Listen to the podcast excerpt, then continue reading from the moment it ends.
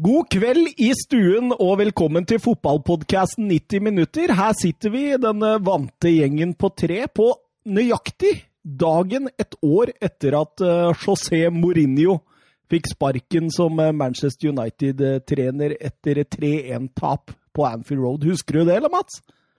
Jeg husker ikke spesifikt at han fikk sparken. Jeg husker jo det som skjedde et par dager etterpå, selvfølgelig. Det er jo At Solskjær kom inn, tenker du på? Ja, det var det jeg tenkte på. Ja, jeg husker veldig godt den kampen òg, for jeg husker at uh, Klopp uh, faktisk uh, utmanøvrerte Mourinho litt i taktisk dragkampen der. Ja, nå, ja, det demrer litt når du sier det. Du var vel i en podkast rett etterpå? Du snakka om den matchen, gjorde du ikke det? Det var en annen grufull podkast som vi ikke nevner navn. Nei, jeg bare tuller, altså. Det er en god podkast. Fotballuka for de som kan jo skryte litt av dem òg. Hører på dem rett som det er. Ja, det gjør jeg òg. Rett ja. som det er. Hører du på andre podcaster enn uh, din egen? Uh... Nei, ikke så mye for tida. Nei, Hører du på din egen? Ja. Nja ja, Du må jo høre. Ja, det, det, er sånn du lærer å bli bedre, det, søren. Uh. Um, det var du og jeg, det som er glad i vår egen stemme. Søren er ikke glad i sin egen stemme. Nei, jeg husker det, fordi vi under en sånn lydtest eh, forrige gang, så sang du jo. Og når jeg spilte av den lydtesten da, så fikk du helt noia, Søren. jeg liker ikke å høre meg sjøl synge, i hvert fall. Jeg er jo grusomt nok, det. jeg syns du sang bra, da. Jeg synes det... Du kom hjem fra Tyskland, du. Ja. Ja, eh, Fin reise? Ja, veldig. Var det fire eller fem kamper du fikk med deg? Fire kamper. Torsdag, fredag, lørdag, søndag. Én vei. Oi, oi, oi, og to Wolfsburg-kamper? To Wolfsburg-kamper og to Wolfsburg-seiere. Det, det er jo nye takter her. Du ser han smiler litt ekstra her nå? Ja, jeg husker jo for en uke siden hvor alt var veldig mørkt. Ja, da vi satt her og diskuterte Wolfsburg. Han tvilte på Glasner og alt. Tviler du fortsatt på Glasner, eller? Ja, altså, han tok Hører du han vingler, eller? Han kan bli med på laget mitt framover. Nei, han, han, tok de, han, tok de, nødvendige trekk nå, og hvis han fortsetter med det, da kan det bli bedre. Men uh, viktig at den, at den holder seg på, da. Ja. Eh, vet du hva, det er jo nettopp uh, trukket uh, åttendedelsfinalen i Champions League nå. Der fikk vi noen høydramatiske um, potensielle oppgjør. Ja, første gang på fire år. City får en vanskelig vei. Uh, ja, for de har vært heldige med trekninger. De har vært heldige. Jeg så en sånn artig en der det sto uh, Tottenham møter eh, Barcelona, og det sto at uh, Liverpool skulle møte Ja, det ble mye vanskelig da, så sto City skulle møte Oxford, så de har gjort en greie ut av det der. jeg, jeg tenkte Husker du, Mats, vi satt jo her og tippa Champions League-gruppespillet i forkant. Ja. Og jeg, jeg, måtte gå tilbake og så sjekke hvor gode vi var på å tippe den. Eh, har du noen formening sånn i forkant av hvor gode vi var? Altså, jeg, jeg tror vi har truffet på de fleste lagene. De enkelte gruppene var det bare to lag som kunne gå videre. Men eh, det eneste laget var, som kanskje vi bomma på eh, Hvem var det andre laget i gruppa til Leipzig som gikk videre? Nei, nå skal du høre, Mats. Søren, spiser øra nå. Gruppe A har vi helt korrekt. Gruppe C helt korrekt. D helt korrekt. E helt korrekt. F helt korrekt. G helt korrekt. Der vi har bomma litt, det er gruppe B, fordi vi trodde eh, at Røde Stjerne skulle ta tredjeplassen. Men eh, det blei jo Olympiakos. Ja, vi tippa hele gruppa, ja. Ja, vi tippa oh, jo hele veien. Fader, det er jo helt... Ja, Og så tok vi feil av, i gruppe H, fordi vi trodde Chelsea skulle vinne den. Mm. De eh, kom A-poeng med Valencia som vant den. På, innbyr så, på innbyrdes. Ja. Så, så, så, hadde vi snudd om de, så hadde vi også hatt den helt korrekt. Så vi har jo nesten 100 her, eh, Søren. Er veldig godt jobba. Jaha. Ja, altså tippa hele gruppa? Det, det huska jeg ikke engang. Nei, det, vi, vi, kjørte og så videre, så Du eh, nevnte at toppskåreren i Champions League ville bli Cristiano Ronaldo. Eh, der har du fada litt. Mens, fada? Han er jo helt ute av det. Ja. Mens jeg tippa Lewandowski, så jeg ligger godt an. Eh, favorittene dine til hele suppa, som foreløpig, var eh, Liverpool og City. Du kunne ikke se noen andre. Jeg har City, Juventus og Bayern München. Så det blir spennende å se, da. Mm, men du har tre, da? Ja, jeg har tre. Ja. Okay. Men eh, jeg garderer meg, vet du, for da vingler jeg ikke så mye. Eh, Jeg tenkte vi skulle kjøre en liten konkurranse, jeg, gutta. Eh, Den kom litt bardust på dere, så dere blei litt sånn Søren som har eh, Han har litt å revansjere til sist da jeg knuste den, husker du det, Søren? Ja. Ja, det ble overlegen. Ja, til og med med premie i dag. En uh, liten uh, melkesjokolade. Et lite eventyr. Som dere kan kose med dere på senga etterpå. På senga, faktisk. Ja, kan dere lese eventyret, da. Det skal være sånn eventyr inni der, tror jeg. Eh, Sponsa av Freia. eh, nei, men eh, det, det blir jo i samme tralten, eh, Mats, som eh, du hadde det eh, siste episode. Eh, jeg har eh, tatt for meg noen eh, spesifikke eh, Champions League-spørsmål, hvor det er flere potensielle svar. Eh, så det blir det sånn da, at hvis dere tipper eh, nummer én, så blir det tre poeng. Nummer to, to poeng. Og resterende da ett poeng. Tipper dere tre ganger feil, var det det du hadde? Jeg hadde to, ja. To, så er dere ute av den gangen. Ikke sånn? Akkurat samme som sist. Er Ja. dere med? Ja. Eh, hvem vil begynne? Siden jeg begynte sist, så får Søren begynne nå, da. OK. Det er en eh, liten fordel i å begynne også, selv om eh, det bør ikke være all verden. Eh, jeg vil ha toppskårer, eh, toppskårere i årets Champions League gruppespill. Robert Lewandowski. Der fikk Søren tre poeng. For han leder hele sulamitten. Nå har jeg ikke en penn som virker her, da. Så skrive ned Robert Lewandowski, det var tre poeng, Søren. Ja, Mats? Nei, vet du hva, det her var dårlig start, ass. Eh, Følger jo tydeligvis ikke godt nok med. Stirling. Stirling, ett poeng. Han har fem skåringer. Erling Braut Haaland. Ja, selvfølgelig. Det er to poeng, det, for han ligger som nummer to. Mats? Jeg er allerede ute og sykler, jeg nå. Jeg må bare tenke hvilket lag som har skåret mye mål i Champions League. Eh, Liverpool har ikke skåret så hakkande mye. Barcelona har ikke skåret. Du, som stressa oss med svara Ja. som det sang forrige gang, og nå har du brukt lengre tid enn noen av oss. Fikk, fikk jeg helt jernteppe. Eh, jeg sier um, pass, jeg. Du sier pass, så da bomma du med én, og da kan du fortsette. Jeg går for Sala igjen. Sala, det er også feil. Han er ikke på vi- Jeg har én, to, tre, fire, fem, seks, sju, åtte, ni, ti navn her, gutta! Ti navn! Ti navn! Å, fy fader. Uh, Harry Kane. Ja, der traff du han. er nummer tre på toppskårerlista med seks mål. Uh, Søren? Nå må du treffe.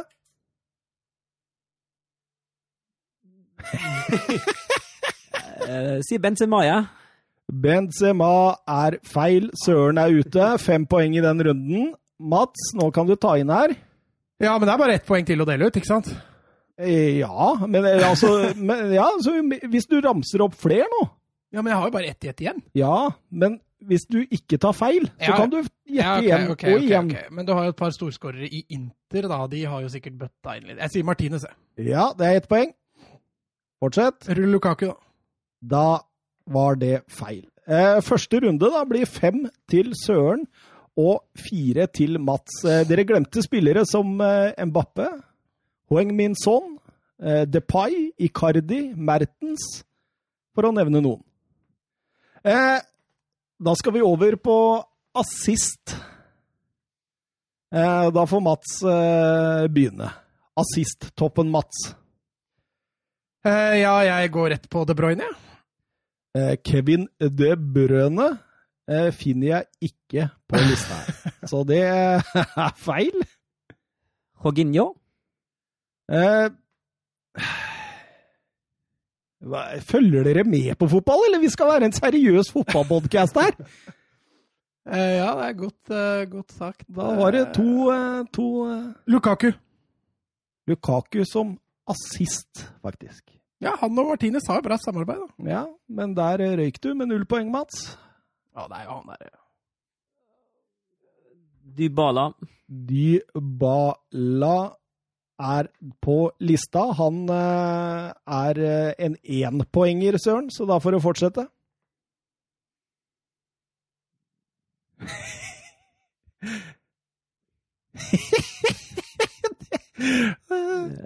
Thomas Müller, kanskje?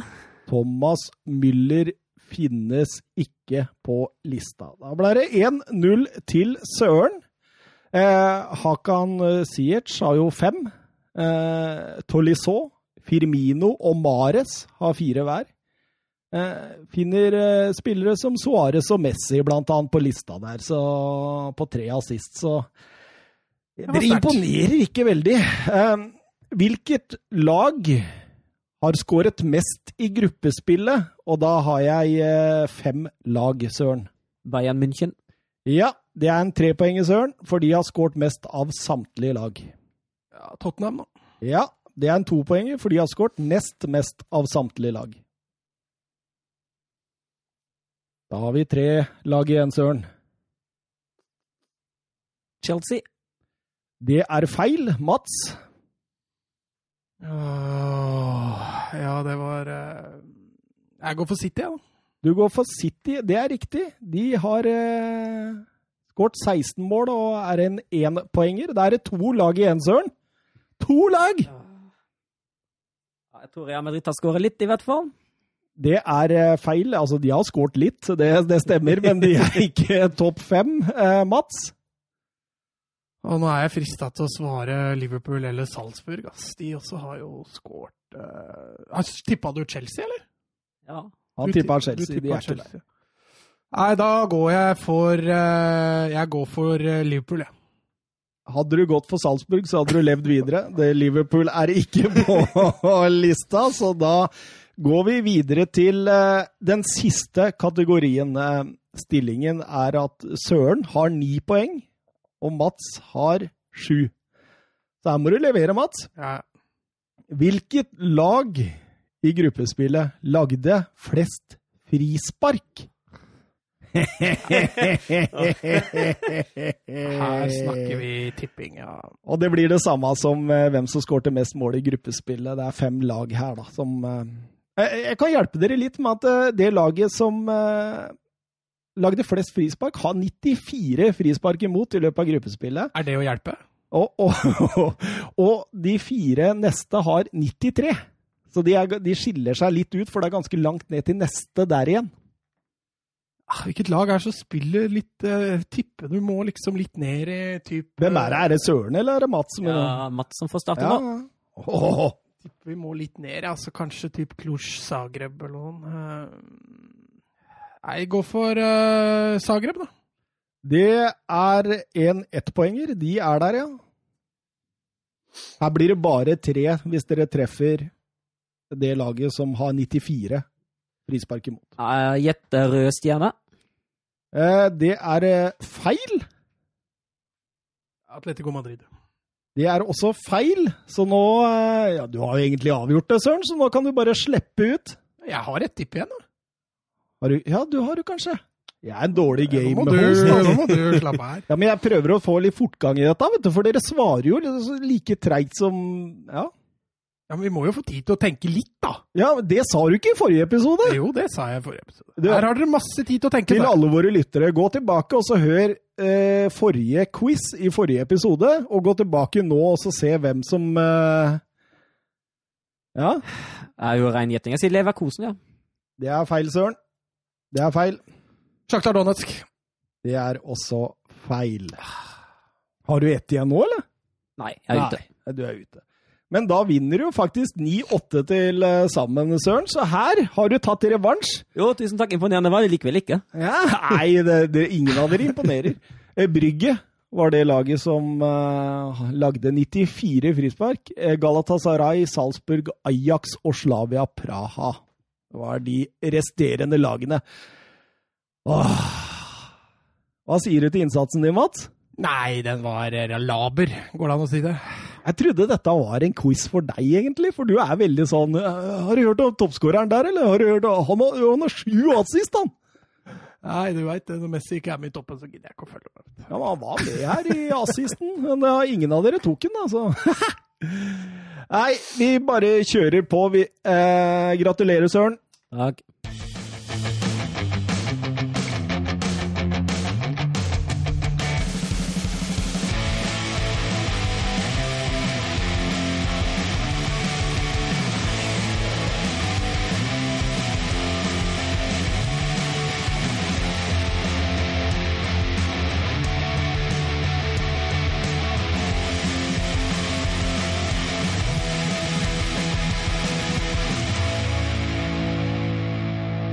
Ja, vi er tilbake igjen, og Mats sitter her og slikker sine sår. Han eh, klager på hodeverk og mye rart her nå, Mats.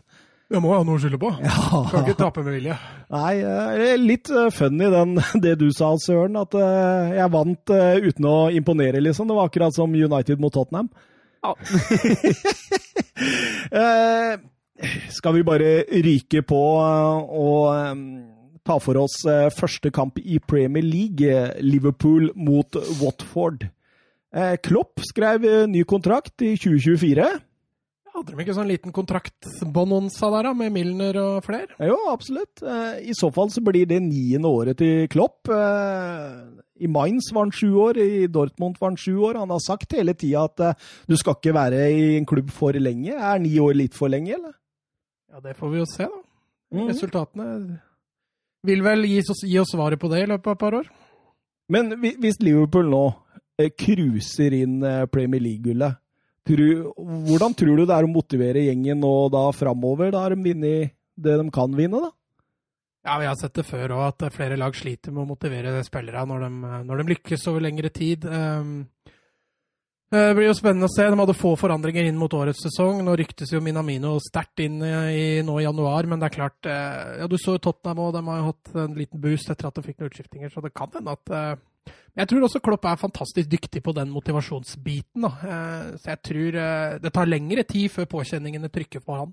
Men Minamino, Søren, det er vel ikke noen spiller som går rett inn i Liverpools eh, elver? Nei, det virker jo mer som perspektiv, men eh, lovende perspektiv, egentlig. Jeg tror det er eh, ganske lurt å hente. Ja, altså jeg, jeg, Jeg så, jeg så på sånn der, var Twitter, var det sånn eh, Pokémon-greier. Mm. Minamino sin oppgradering er Firmino. Hvis du er litt inne i Pokémon. Det var Ja. hysterisk. Jeg lo, jeg. Altså.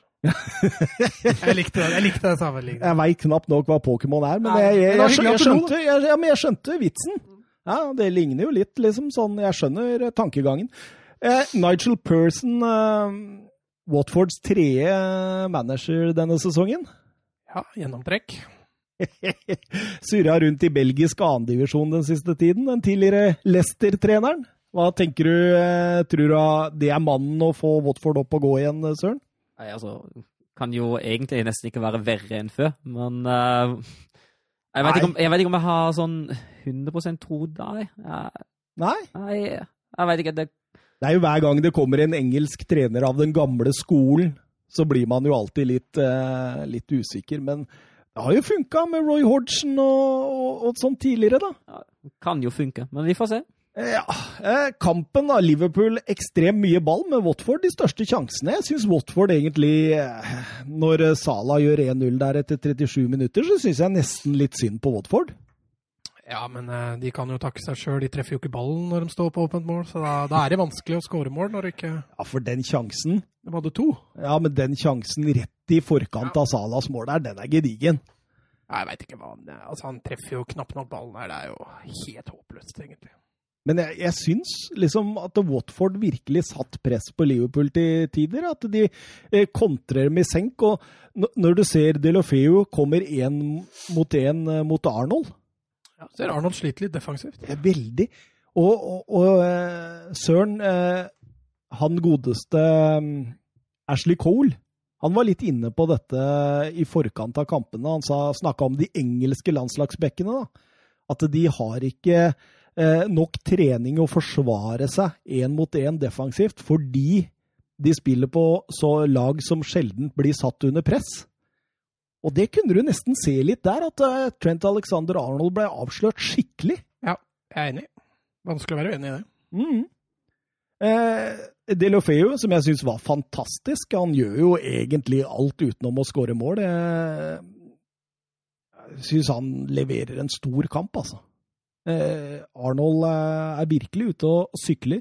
Eh, så du forresten Virgil van Dijk sitt selvmål? Eller forsøk på selvmål?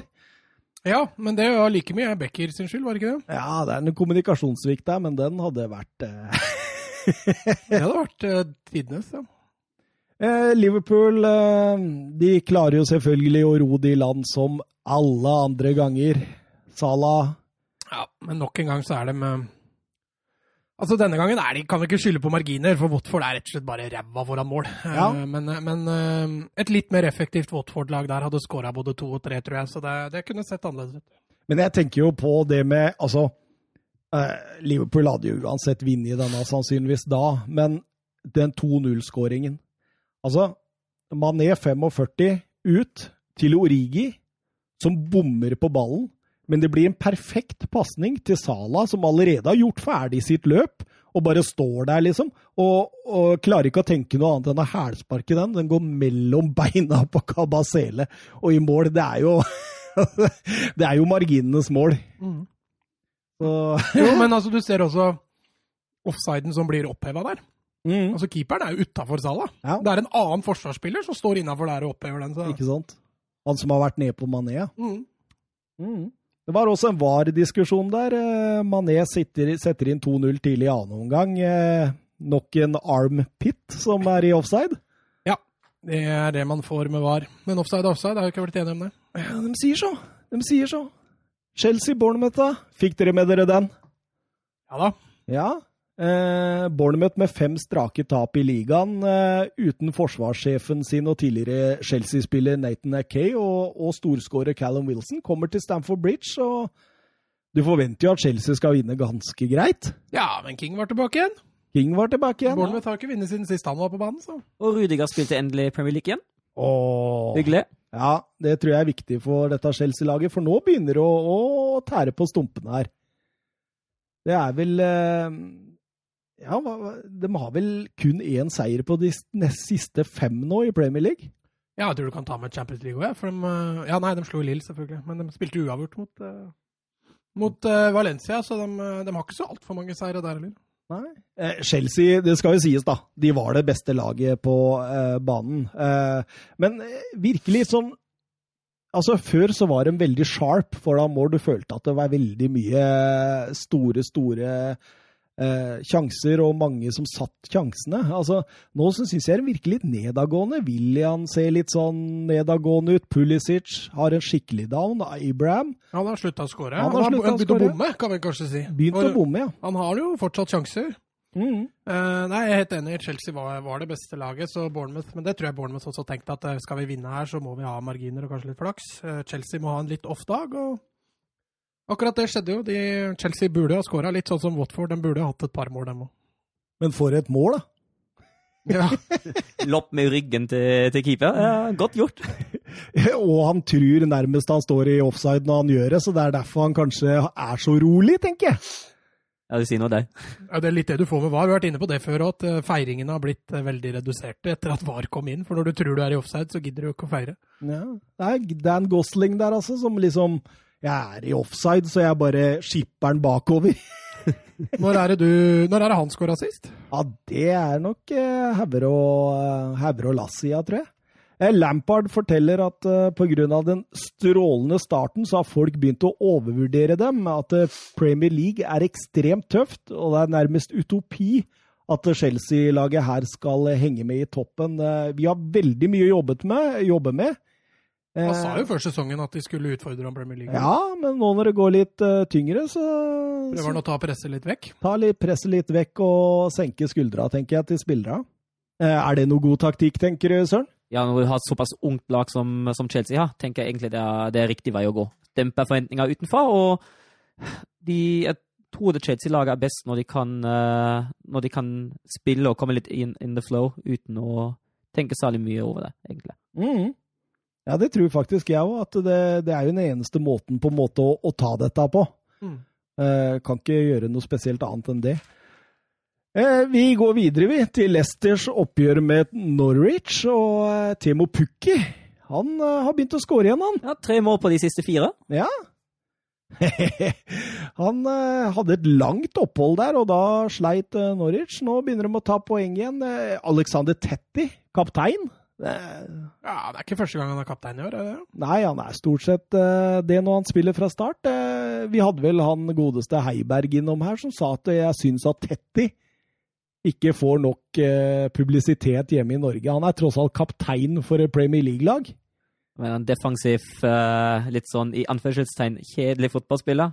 Ikke, ikke helt den uh, store målskåreren som Haaland, eller den uh, spektakulære spilleren som, uh, som Ødegaard, eller den solide spissen som, som, King, men en ærlig arbeider som gjør jobben bak de som skårer mest, på et litt mindre lag. og da har ikke mediene så mange overskrifter. Det er litt sånn kjedelig å skrive Tette gjorde en grei, helt grei kamp på sentral midtbane igjen.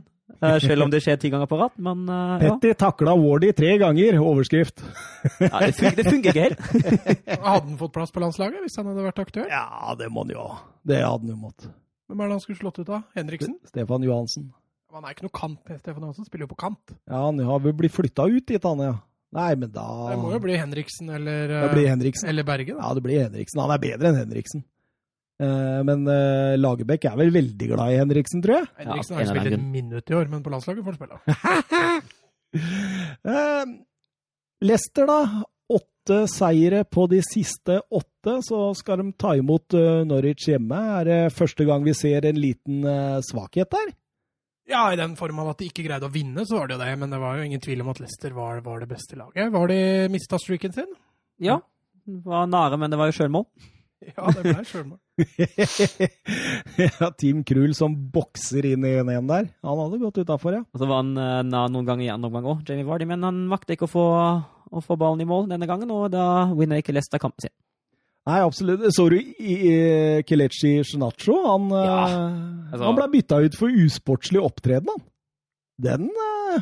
Altså, det, det, er jo, det, er jo, grovt usportslig det han driver med, så jeg, jeg forstår veldig reaksjonen til, til Norwich-spillerne der. Uh, det, det, hører seg rett og slett ikke å gjøre som Nacho gjør. Og uh, utsagn etter kampen var vel også at uh, ja, det er, vil ikke vi ha noe i leste av heller. Det er bra at det ikke blir noe ut av dette der. er, det tøft gjort, eller, mot spilleren sin å bytte den ut sånn? Ja, det er klart det er tøft gjort, men du setter jo, du setter jo klare retningslinjer når du gjør det med en gang. Så for så vidt helt greit. Hvis det var noe man mener er, er god nok grunn til at det er usportslig, så kjempefint.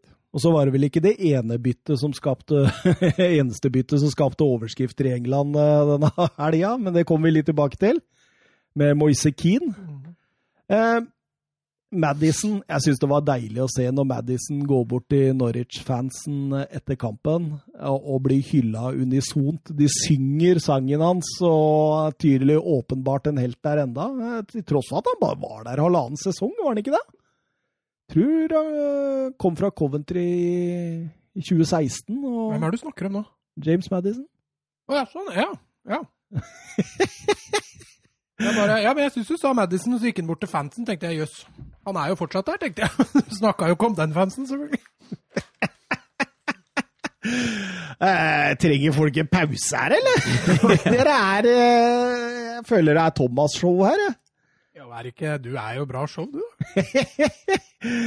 Dere henger ikke med i svinga i dag. Manchester United-Everton 1-1. Eh, Lindeløf eh, selvmål. Mason Greenwood eh, gjør 1-1 der eh, ca. 13 minutter før slutt. Uh, jeg flirer, altså. Så den starten til Everton når de lå, la seg i, i 5-3-2? Så dere den? Mm. Det var jo åpenbart planen nå, da. Men jeg syns United takla bedre nå enn det de har gjort før, i hvert fall, med lag som har ligget lavt. Eh, vanlig United eh, Hva skal vi si? Vanlig United-effektivitet ville jo i hvert fall gitt et mål til i løpet av den matchen her, men eh, de sleit litt med effektiviteten, og så bølga det jo veldig fram og tilbake. da. Ja, er, jeg, jeg, jeg, klarer ikke å slutte å le, egentlig, av den starten der, fordi han godeste Big Dunk han eh, satte jo opp laget i en 5-3-2 uh, eh, kun for å prøve å lure Solskjær til å tro det. For med en gang dommeren blåste av fløyta, så gikk Mason eh, Holgate var det vel, opp i midtbaneleddet til en 4-4-2. Mm. det var veldig morsomt, faktisk. Jeg, jeg syns jo dette var en typisk Manchester United-kamp mot et lag som på en måte ligger lavt og venter på kontringer sjøl.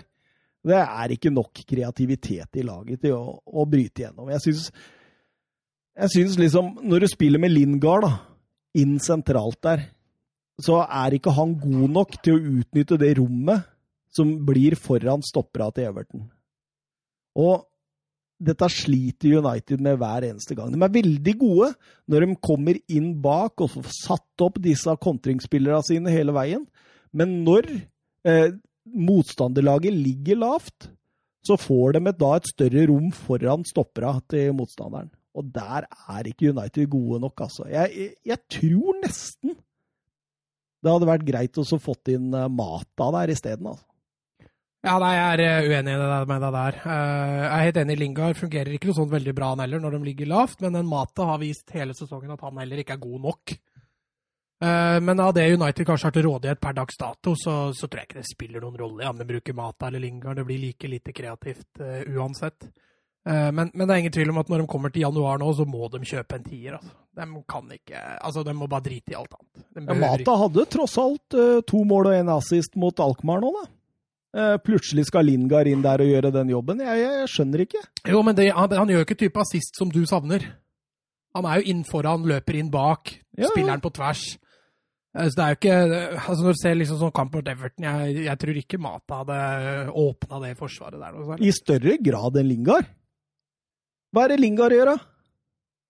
Nei, han, jeg sier jo det. Han gjør ikke noe spesielt Nei, men, men, heller men, du sa jo du var uenig med meg i bruken av å, å eventuelt få inn Mata der. Men da må du ha Altså, du kan ikke si eh, jeg er uenig Nei, i det, det, du sier, men jeg har ikke noe løsning som er bedre. Nei, men jeg er uenig. Da er du uenig. Jeg er uenig i at Mata hadde gjort en bedre jobb enn Lingard. Ja, ok, Så du, du, mener at man kan like godt kjøre Lingard i den rollen der, så får du akkurat det samme? Nei, altså Du får jo litt mer fart og litt mer fremoverretta med Lingard, mener jeg. Mata blir litt for omstendelig, spesielt i oppbygginga. Står mye med ryggen mot mål. Han er uh, altfor bevegelig. Plutselig så er han ute på kant, plutselig så er han nede og henter ballen nede. Uh, og så er det jo Er han ikke noen spesielt god kontringsspiller heller? Uh, han er jo ikke noe flink til å utnytte rommene foran seg. Nei, men det er jo ikke Lingard heller. Det ja, det er bedre enn Mata. Kan vi sette inn Andres Pereira, da? Nei, der er vi enige, tror jeg. Det er, det er håpløst. Nei, uansett, jeg er helt enig med deg i det at de trenger en tier, det, det, og det er så viktig for dem å gjøre det. Ja, eh, Spørsmålet er hvem, selvfølgelig.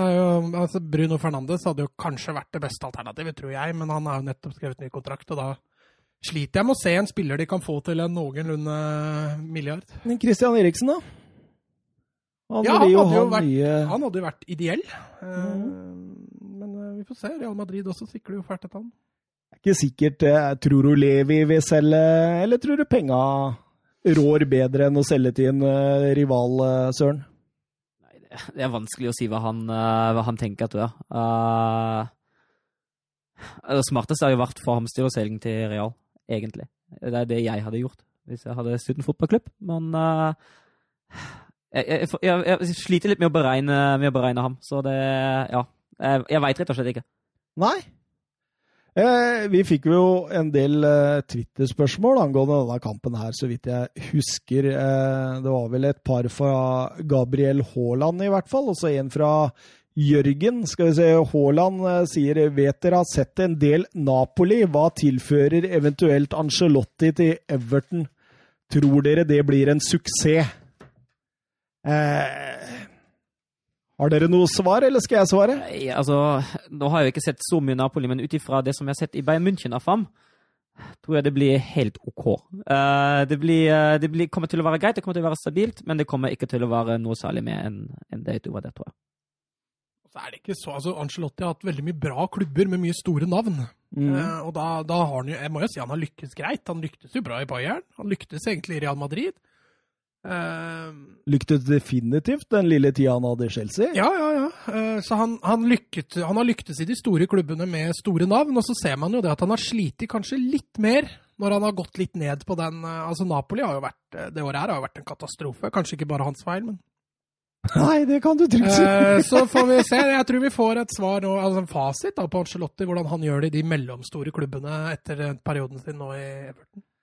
Altså, Gabriel, eh, nå har dere snakka om eh, David Moyes og alt mulig ræl de siste ukene. Får dere inn Angelotti, så er det noe av det bedre jeg tenker dere kan få inn. Jeg tror eh, Angelotti Men han har ikke signert ennå? Nei, ikke, ikke, før vi gikk inn i studio i hvert fall, vil jeg anta. Nei, for jeg så jo han GM Balagic, han var jo ute og sa at det var, ikke var aktuelt for ham. Oi, oi, oi. Han skulle ha ferie fram til sommeren. Ja, ok. Jeg hørte litt Roma òg, skjønner du. Jeg veit ikke hvor eh, Men det blir jo spekulasjoner. Ja, ja, det, blir...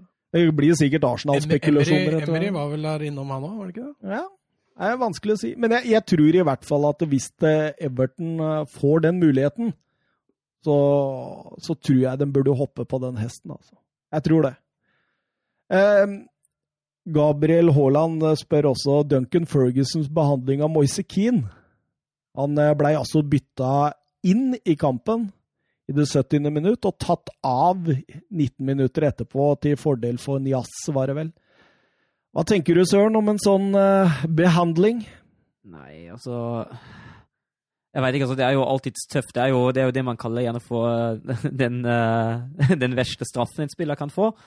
Uh, og det skal gjerne litt sånn ekstraordinære ting til. Men hvis kampbildet tilsier at man må ta det byttet da, av taktisk-logiske grunner, da, da, er det bare sånn, og da må spilleren underordne seg sjøl det som er det beste for laget. Så hvis det må gjøres, må det gjøres, etter min mm. mening. Jeg er enig i at hvis det er taktiske grunner til det, så, så, er det lettere å forstå. Men den grunnen Ferguson oppgir etter kampen, den mener jeg han bommer grovt på. Altså, for han sier jo det at det, han trengte å gjøre et bytte for å få tida til å gå. Ja. Og det er sånn jeg ser det, så er ikke det sånn rent taktisk årsak til det. Nei, og det, det er... Og jeg, altså, Calvert Lewin er åpenbart his man. Han ja. kommer aldri til å bytte ut Calvert Lewin hvis ikke han må. Nei, nei. Og da blei Moise Keane uh, ofra. Um, og jeg sliter litt med å forstå at det skal være grunnen da, til å ta ut en 20-åring for å Eller 19 er det vel bare. Men Sky Sport fant noen bilder av at uh, når uh, Moise Keane uh, skal følge Luke Shaw i et returløp der, så snur Ferguson seg mot benken og sier at han må, denne, han må ut. Så det er åpenbart, da, tror jeg, at han ikke er fornøyd med det defensive jobbinga til Moise Keane. Og i en kamp der du er mer enn godt fornøyd med uavgjort, skal sikre dette inn, du føler kanskje at dette går eh, litt på risiko, så syns jeg det er helt greit. Ja, det er jeg helt enig men da må han jo si det, da. Ja. Han kan jo ikke stå der og si etterpå at jeg måtte gjøre et bytte. Nei, den, han sagt det at ja, men vet du hva, han passa ikke inn, det var et dårlig bytte av meg. Han, mm. Dette fungert, Kampplanen fungerte ikke når han ble bytta inn, så jeg måtte bare bytte den ut igjen for å ja. sikre poenget. Da er det jo mer, altså Som fans og som fotballtrener, det er lettere å forstå det igjen. Nei, sorry, jeg måtte bare gjøre et bytte. Ja, for å få tida til å gå. Helt enig med deg. Helt enig. Uh, Jørgen be Ready Nystuen. Uniteds tre neste kamper er Watford, Newcastle og Burnley. Jeg tror det er Watford og Burnley borte, faktisk. Hvor mange poeng blir det frem til nyttårsoppgjøret mot Arsenal for Manchester United? Du tippa 25 poeng du på United til jul. Ja. Så hvis de taper mot Watford, så treffer du dead on. ja. Og, og, og, jeg tror også det at eh, her blir det faktisk maks tre poeng på de neste tre. Ja, det tipper fire, men jeg er ikke uenig med deg heller. Du tror en seier, en uavgjort, et tap? Yep. Mm. Jeg tipper ni, ja. Eh, men, men jeg, altså, Watford borte. Eh, Watford nå, som spilte en god kamp mot eh, Liverpool på Anfield jeg, jeg, ser ikke at United i hvert fall Den vinner ikke den kampen. Nei, det sa du mot Tottenham òg. Um, men, men, det som gjør, taler litt for United, er at dette Watford-laget kommer til å gå framover. Ja. Så United kommer til å få kontringsrom. Mm. Uh, så er spørsmålet da, hvis Watford fortsetter effektiviteten de hadde mot Liverpool, så kommer United til å vinne. Uh, men, men, hvis Watford viser litt mer effektivitet foran mål, så er jeg enig. Da kan det bli både ett og null poeng til United. da. Den neste kampen vi snakker om, der er jo et lag som overhodet ikke går fremover med flere enn eh, to-tre spillere av gangen. Newcastle. Nei, det er marerittmotstanderen til United, tror jeg. Eh, de er gode til å forsvare seg, og de, de gjør det bevisst, og de kontrer bevisst. Så der, der, tror jeg United kan få det tøft, faktisk. Men de har dem på Old Trafford, da. Eh, ja. ja. Jeg, Nei, altså, altså, jeg, jeg tror uh, muligens ett poeng hjemme mot uh, Newcastle. Jeg tror maks ett poeng hjemme mot, uh, mot uh, Nei, borte mot uh, Watford. Og jeg tror de taper borte mot Burnley. bare tenker jeg Chris Wood går opp i duella der med livredde Lindeløf. Nei, Lindeløf har vært bra. Jeg skal ikke, jeg skal ikke svartmale dette, selv om han ja, skårte selvmål. Han hadde jo fint mål mot Chelsea. ja, men han, han, han har faktisk stiget litt i min egne rank, altså. Defensivt så er han veldig bra. Ja. Eh, offensivt så sliter han sliter. Det er ja, mye lange baller og Absolutt. dårlige løsninger. Altså. Absolutt. Eh, skal vi rusle videre? Jeg tror vi eh, er på eh, Wolverhampton mot Spurs nå. Kan snakke litt om den. Eh, Tottenham eh, starta friskt, men, og tok jo tidlig ledelsen med Lucas Mora òg. Et nydelig mål. Ja, etter Det har vært mye nydelige mål i Tottenham for tida. Ja, absolutt. Gjør alt sjøl der og dunker den opp i nettaket. Litt så, du får litt flashback til Ryan Giggs sitt fantastiske, selv om det ikke var fra Men selve avslutninga og måten han går inn på, da. Mm. Eh, men etter hvert så tar jo Wolverhampton over og presser Tottenham ganske hardt bakover på banen til tider. Ja, jeg syns Casaniga ble ganske varm i trøya etter hvert. Um, Wolf spiller eh, effektiv og god fotball, syns jeg, offensivt. Tottenham eh, sliter litt. De har, eh, de har hatt litt trøbbel på bortebane mot de topplaga de har møtt under Mourinho så langt, så skal kanskje ikke friskmelde dem helt ennå. Men hvis Adama Traore spiller sånn fotball hver eneste gang han går ut på en gressmatte, da er det ikke lenge før Real Madrid og Barcelona banker på døra, eller? Han kommer jo fra Barcelona, så han er jo Han er et La Masia-produkt. Men eh, nei, han var kjempesolid. Veldig bra. Absolutt, altså. Og, det, måten han hamrer inn 1-1 på der òg, er jo helt fantastisk. Eh, Han er en kraftpakke. det, og, og en hurtighet som eh, virkelig Jan Fertongen fikk brynt seg på. Men det var rart Mourinho ikke tok høyde for det. Ja, det var akkurat Altså- sånn. Men, men samtidig, da, så sier du altså, Jeg tror nok Mourinho har tenkt at det, det er for lite sluttprodukt. Det har det jo vært med Adama Troore nesten hele tida. Mm. Denne gangen så syns jeg det var mye sluttprodukt. Han leverte gode innlegg og sånt, men det som redder Tottenham en del, er jo at uh, Aldevereld og Sanchez gjorde, gjør en ekstremt god defensiv jobb. Mm. De er ekstremt gode i posisjoneringsspillet, og jeg, jeg får allerede en følelse av at Mourinho har vært inne der og justert litt altså i forhold til uh, sine For det, veldig ofte under Pochettino, da, i hvert fall den siste tida, så var det jo mye midtstoppere ute av posisjon og litt sånne ting. Men nå syns jeg ja, Jeg sa det til samboeren min, jeg satt og så kampen med hun, at eh, de ligger så bra hver eneste gang eh, Wolverhampton kommer rundt. Var du enig? Ja, jeg tror ikke hun hadde så mye meninger.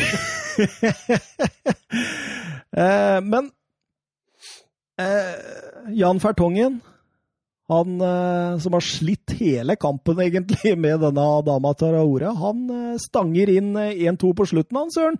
Ja, og helt aleine nå. Han har jo eh, nesten hele 16-meteren å, å Ja, det, den på. det var godt gjort, for han må bakover og hedde der. Så det, det er en strålende heading. Altså. Mhm. Og en sterk Tottenham-seier, det må man jo si. Altså, Wolverhampton har tapt to av de siste 26 kampene i alle turneringer på Molino. Så det er, det er sterkt. Eh, Mourinho, eh, nok en skalp. Eh, vinner og vinner. Kun eh, United Paul Trafford som har vært eh, down. eller så eh, ja, så Bayern München, da. Ja, men der stilte de jo med reservelaget, så å si, da. Det gjorde Bayern nå. Nei, det gjorde de ikke, Jo, altså. Rune sa det. De var ute av form, sa de. ja, men det stilte jo med de klart beste laget sitt, Bayern München, da. De ikke var skada, ja. Jeg blei litt irritert, jeg, da. Det var det jeg prøvde å fyre deg opp nå. ja, men altså, det, altså Altså, det er så bra. Forskjellen på Altså, deg og Rune er at jeg veit at du fyrer, men Rune han har en sånn liten sånn drømmeverden han, om at det er ingenting annet altså, som gjelder enn eh, Bayern München, liksom. At det, er, det, er, det er ingen lag som er bedre noen gang. Altså, det er så bra å melde sånn når du veit han ene på andre enden heier på det laget han gruser. Ja, ja, ikke Og så er det liksom, det er bare Bayern. Han skjønner ikke at flere ser på Bayern. Bayern er best Bayern. Herregud. altså, Søren ville ikke bli med i den diskusjonen. Nei, det, det, den der holdt jeg meg unna. Jeg tror ikke så du ville så ta den diskusjonen heller, så. Nei, men jeg, jeg orker ikke når det blir så Det, det blir, det var hva var det jeg sa til den til slutt? At det blir litt uh, VG-debatt ut av de greiene der. Altså Nei, altså uh, Han får eh, lov til å fyre meg opp, det gjør han innimellom. Så jeg tror han gjør det med en viss sånn viss sånn vitenhet om at jeg eh, lar meg fyre opp. Eh, skal vi gå til hovedkampen, eller? Ja. Eh, Arsenal-Manchester City. To eh, smådesperate lag som eh, møte, møttes på Emirates søndag. Fredrik Jungberg sliter voldsomt. Spilt ti gode minutter på tre kamper i forkant av dette. Mye spekulasjoner om, om Guardiola også i det siste, om dette er siste sesongen. Eh, minner litt om Barcelona-exiten, dette her, Mats. Ja, altså, det kom jo Han hadde jo en god avslutning i Barcelona, men der var han jo tidlig på noe Jeg vet ikke, har han kontrakt neste sesong i City? Jeg er litt usikker, faktisk. Jeg har ikke sjekka det. Har du? Ja, jeg, jeg tror han har det. Jeg tror han har i hvert fall ett år til. Ja, for I Barcelona så var han jo på utløpende kontrakt. Eh, Ja, men og da jeg- var han jo ganske tidlig ute med å si at han var i tvil om å fortsette prosjektet. Mm. Eh, Nå har han jo åpenbart kontrakt et år til da, i City, og da, da veit jeg ikke. Jeg blir veldig Ja, men jeg tenker i forhold til dette med liksom at uh, i Barcelona og så vant han jo alt de første tre sesongene. Og så eh, det siste sesongen, da, så dro jo eh, Real Madrid ganske brutalt ifra. Eh, og det, det ser ut som det liksom Ja, fire, maks fem år, ja. Nei, det vel eh, blir vel femte sesongen hvis han tar fatt på en ny en neste år. Ja, men han har jo eh, Jeg har lest det for, for lenge siden, men jeg mener å huske at han har, han har sjøl uttalt at eh, det fjerde året i Barcelona det anser han som en feil, og han, han sjøl mener at han vil gjerne ha tre år, fordi etter to, to og et halvt år sitter det spillet han vil ha med laget sitt på best mulig måte, og så ser han ikke noen grunn til å, til å bli lengre enn det, og da føler han seg på en måte ferdig med prosjektet. Så jeg ble egentlig allerede overraska da, eh, da han ble et år til i City. Mm. Vi får se, vi får se. På de siste 26 kamper lagene imellom har det blitt åtte Arsenal-seiere, seks uavgjort og tolv City-seiere. Men i nyere tid, derimot, da har City stort sett eh, grusa Arsenal, og Arsenal har vel ikke vunnet i Premier League eh, mot Manchester City siden 21.12.2015. Da var det Wenger og Pellegrini som var trenere. Eh, Tilsvarende sist sesong, 0-2 til City, Stirling og Bernardo Silva. Arsenal ut i en 4-2-3-1, eh, med PP, Øsil og Martinelli bra bak eh, Aubameyang. Mens eh, City fikk inn Phil Foden i indreløperen og skyvde Kevin De Brøne opp som en ja, Han hadde vel en fri rolle, hadde han ikke det, i treeren? Ja, var det, var det 4-2-3-en vi så der? Jeg syns det nesten minna om en 4-4-1 igjen. Ja. Ja, kanskje det. Kanskje det. Eh, Stirling og, og De Bruyne virka som hadde ganske frie tøyler. Stirling riktignok mer ut på kanten. Eh, så var det, var det mm, eh, De Bruyne bak spissen, eh, og så Phil Foden ut til venstre. Det var sånn det virka som de starta. Ja. Offensivt så skulle det jo være ganske flyt i det, men defensivt så virka det ganske stram 4-4-1 igjen. Altså. Ja, du syns det, ja? Ja. Nei, det, det kan jo godt hende det stemmer. Eh, kampen, da. Eh, 30 sekunder eh, tar det før eh, Ederson må i aksjon der. Ja, det var Martinelli som var på vei gjennom. Ja. Eh, vinner duellen med både Fernadinho og eh, Otamendi der. Og drar seg rundt. Skyter rett på. Ja, det er vel under er både stor fart og høyt press, så den, det er vanskelig å få til gode avslutninger der. Altså. Mhm. Og ca. 30 sekunder etterpå så smeller det i motsatt mål. Ja, kampens Jeg vet ikke om vi skal avsløre kampens store spiller. jeg, Jo, vi, vi, kan allerede, vi, vi kan vel allerede gjøre det. Det er vel ikke noe hemmelighet for noen. Nei, De Bruyne var uh, gud bedre, spesielt første omgang. ass. Men, uh, og han burde jo hatt hat trick òg. Verst av alt. Ja, absolutt. Han var fantastisk. Og, uh, men som en seriøs fotballpodkast, eh, skal vi hylle De Brøne, eller skal vi slakte Arsenal-forsvaret? Begge deler. Ja, vi skal gjøre begge deler, for de ga jo, de, de ga jo en eh, ganske gode arbeidsvilkår, syns jeg. Ja, eh, pressespillet til Arsenal, det, det er forferdelig å se på. Eh, altså, det er så lite aggressivitet og så lite ærgjerrighet i det presset til Arsenal at du, du kan lure på om de i hele tatt hva, hva, de, hva de tenker med. Eh, sånn rent taktisk er det selvfølgelig voldsomt store avstander når du spiller mot et lag som City. Når du først har dribla én mann der som City-spiller, så har du faktisk en god vei til neste Arsenal-spiller. Mm. Og, og den 0-1-skåringen, der er det jo tre Jeg vil kalle det juniorfeil, altså. Eh, nummer én, det er jo at uh, PP bare lar Ferdandinho passere på midten der. Ja. Ja, og så eh, spilles ballen inn eh, bak eh, forsvaret til Jesus, eh, som enkelt passerer eh, Chambers og legger den 45 ut, eh, og der kommer det brødene. Og det er jo, det er jo ikke en Arsenal-spiller i nærheten av han. Han setter jo den enkelt. Martinelli, så bare litt ærgjerrighet fra Martinelli ned og dekke der, så hadde det brødene fått en vesentlig vanskeligere jobb.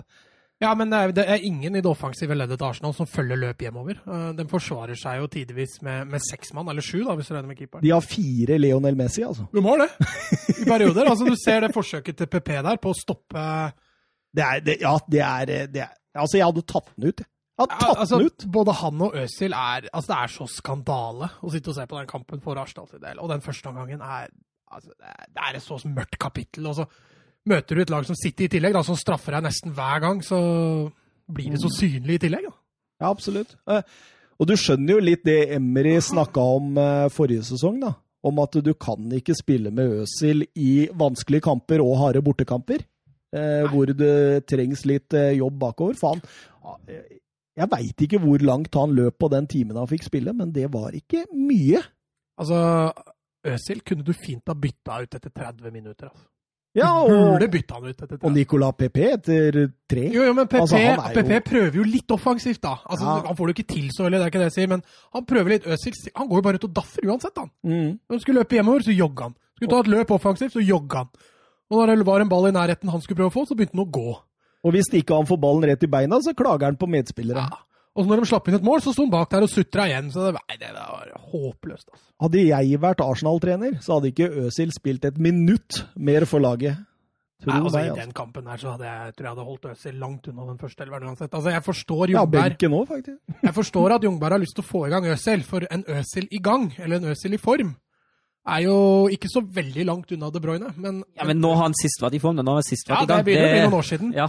Men, men eh, jeg forstår tankegangen til Jungberg, at han har lyst til å få i gang Øzil, for han har jo starta alle tre kampene under Jungberg. Men, men tror, tror du det er det Jungberg vil, eller tror du det er et press fra supporterne? For det var jo hele tida press både Emry og kanskje også Wenger kjente litt på. At Øzil måtte liksom inn i laget. Det var liksom sånn supportergreia. Men du ser jo også når han blir bytta ut, da, så er det jo til opplaus. De, de er jo fornøyde med det byttet. Eh, Altså, jeg kan ikke skjønne at det kan være et voldsomt stort press heller, fordi altså, du sett bare hva Øzil leverte de ti. Altså, I likhet med Arsenal så har han hatt ti gode minutter på tre kamper under Jungberg. mm. Eh, Hvorfor skal det være automatikk i at han starter? Jeg skjønner ikke. Eh, Arsenal får et par halvsjanser der rett etter 0-1, men så smeller 0-2 i, i kassa bak Leno igjen. Egentlig en ekstremt upresis overgang. Du ser ballen tilbake til Kevin De Brøne fra Jesus der. Han må stoppe opp og litt sånn. Så, men så Det er jo ingen som kommer opp i press. Det er jo ingen som utfordrer. Han får jo bare gå rett fram. Ja, det er liten Det er lite hva skal vi si, ærgjerrighet. Altså, det er lite, lite kynisme i dette Arsenal-forsvaret også. Eh, når de ser at Arsenal er i ferd med å få en mulighet. Er, de gjør ikke noe spesielt for å stoppe det. Ikke følger dem løp, ikke, ikke tør de å lage frispark engang. Nei, Altså, de Nei, det er så tafatt, det forsvaret der. Altså, Stirling står aleine på bakerste der. Det er vel for så vidt lett å forsvare med at venstrebekken har vært høpe i angrep, men eh, det angrepet burde vært stoppa før de kom inn i 16-meteren. Mm, absolutt. Eh, Når det, ballen kommer over til Stirling der, og han får stå helt aleine jeg, jeg, jeg, jeg sliter litt med å, å tro at det er et Premier League-lag i måten de opptrer, faktisk. Ja, defensivt så er det det er, eh, det er så nakent. Og husker du også når vi tok for oss Arsenal i, eh, i sommer, så var vi ganske klare på det at uh, her må det inn spillere uh, i det bakerste leddet, helst to, kanskje tre, som tar litt tak. Det har ikke skjedd eh, i det hele tatt. Det er David Louise, liksom. Ja, så har han vært maks uheldig med Tierney, da. Eh, Han har jo bare vært skada. Men, men er han god nok til å gjøre en forandring? Ja, har han spilt så mye som vi får sett det? Ja? Nei, jeg veit ikke. Du anbefalte jo han sett- til Arsenal i sommer, da. Nei, det var Renan Lodi jeg ville ha på venstrebekken. Ja, du foreslo det, Kieran Tierney òg. Du bør ikke stikke deg unna det. Eh, Etter dette så roer det jo seg litt. Eh, Men du sitter jo hele tida med en følelse om at eh, man ikke er langt unna neste City-scoring eh, pga. Arsenals defensivt. Da, og eh, Kolasjinac må jo bytte ut med en vridning i kneet der, og, og da setter de faktisk inn eh, Saka. Ja, eh, men de har jo altså Når tieren er ute, Kolasinac er ute, Beyerin er ute. altså De har et ordentlig bekkeutfordring på bekken nå. og Jeg veit ikke hva tankegangen var der, men det er mulig han tenkte at vi trenger mål, så vi må ha noen offensive spillere på banen. Men før dette byttet blir utført, så skårer City 0-3. Ja. Og, og jeg tenker jo på da, fra første gang eh, Kolasinac går i bakken, til det målet, så har det gått fem minutter. Det har gått to minutter fra han gikk av sidelinja, og Sako. Men det mye Altså Jeg bare tenker på at eh, burde ikke han vært inne for lenge sida? Ja, men her er vi litt inne på det med kynisme igjen. da. Altså Arsenal, de Jeg tror ikke, jeg tror ikke spillere tenker så mye i den retningen. Nei, eller treneren, da. Jo, Han sitter der og lar laget spille med ti mann i fem minutter før han får eh, 0-3 i ræva. Ja, men hva skal han gjøre for å få dette skal gå? Ah, Sto han Nei, han klar til å ja, men sto han klar til å bytte inn rett etter skaden skjedde? Han gjorde jo ikke Nei, det. men du må jo ha spillere under opp oppvarming hele tida, som er klare til å gå inn med en gang. Altså, i fem minutter, det er lang tid i en fotballkamp. Ja, det var tre minutter med spill. To minutter hvor han lå nede med skade. Ja, det var kanskje noe sånt nå. Ja. Du, du burde jo få en spiller i gang da til å ta det der av byttet med en gang. Han, Ja, men altså, jeg er enig i det at spilleren skal ikke varme opp før han blir bytta inn. Når du spiller med ti mann. Det Nei, er men du kan jo bevege litt på deg, sånn at du kan kanskje jogge deg inn i kampen, da. Jo, det, det er selvfølgelig, men, eh, men eh, det er vanskelig å være uenig i at Arsenal skal ikke spille med tre minutter. Men, men du ser liksom Arsenal, når han sto klar da, og var klar til å bytte inn, så hadde Arsenal muligheten til å sparke ut ballen. Mm. Men de gjorde ikke det. Nei. De prøvde å angripe.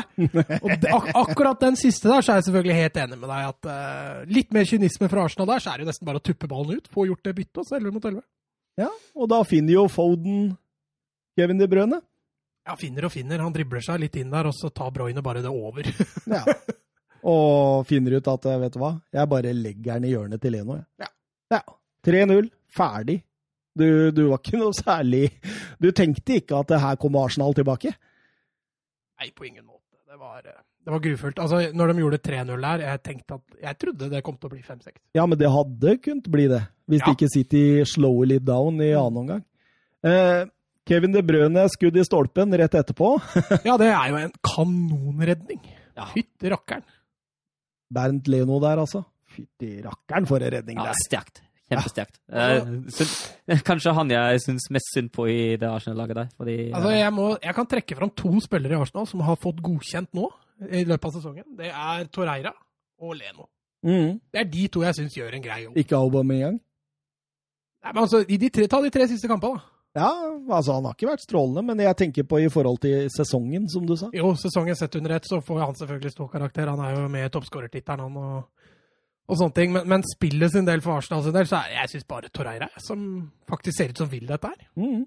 Og når lagene går til pause da, så har Arsenal sluppet inn tre mål for andre gang i Premier League-historien eh, i løpet av en omgang. Ser ja, du litt får Jungberg med seg en rekord da, før han er ferdig. ja, før han er ferdig. Eh, Men så syns jeg jo, eh, eh, tatt i betraktning av situasjonen, at Arsenal prøver litt i annen omgang, når de kommer ut da.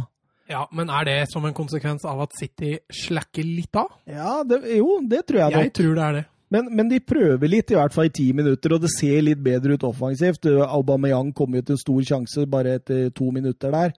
Eh, Forresten så var den headinga han hedde rett utafor da, det var hans niende touch på ballen. Niende touch på ballen!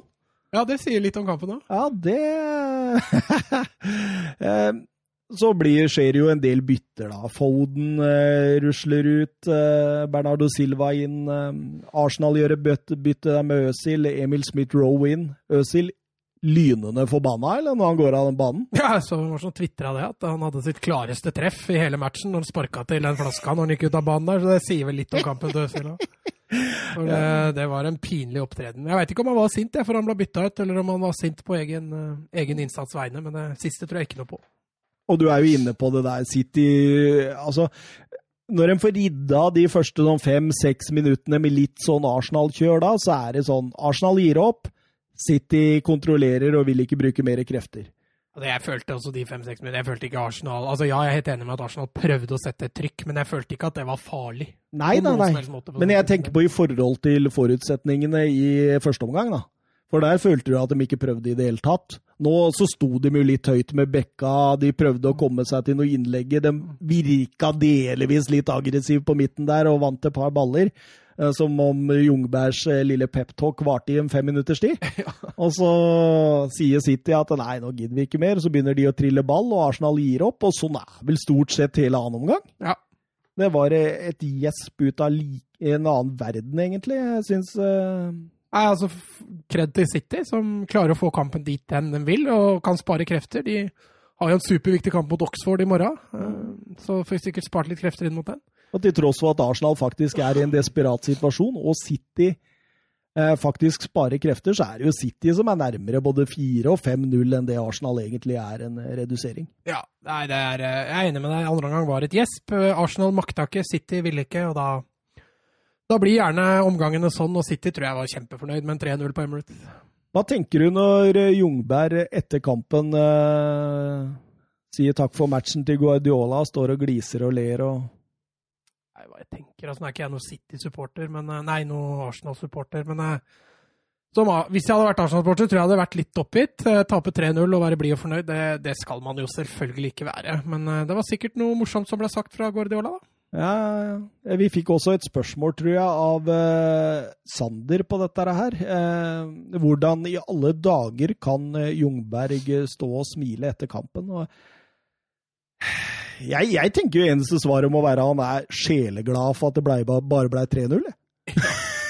Kanskje han bare var takknemlig? Ja, han var litt han fornøyd med at Takk for eh, at dere bare spilte ja. på 80% i andre gang. Jeg husker, jeg husker ikke helt hvem det gjaldt, men det var i hvert fall tror Mourinho var inne i bildet. Hvor eh, det blei for noen år sia. Husker ikke helt hvilken kamp det var, men det var en eller annen som var lynende forbanna på en annen for at de ydmyka dem. At de ikke kunne bare stanse litt opp. Mm. Eh, kanskje det er det han takka Guardiola for? At, takk for at dere hvilte litt. Men eh, nei, jeg, som trener, når jeg har tapt fotballkamper, så er det sjelden det blir hyggelig passiar med treneren etter kampen til motstanderlaget. Mm. Og her er Premier League, altså. Ja. Han står og gliser. Jeg hadde blitt skikkelig forbanna. Men her igjen tror jeg vi ser litt gjenspeiling av den ærgjerrigheten til Arsenal. og Det er liksom litt likegyldighet. Litt for mye likegyldighet. Mye rykter om Arteta. Han blei fokusert en del på underveis i kampen òg. Sitter på benken der. Hva tror du han tenker? Dette tar jeg ikke i min ildtang engang. Ja, Eller så kan han tenke at jeg kan jo i hvert fall ikke gjøre det dårligere.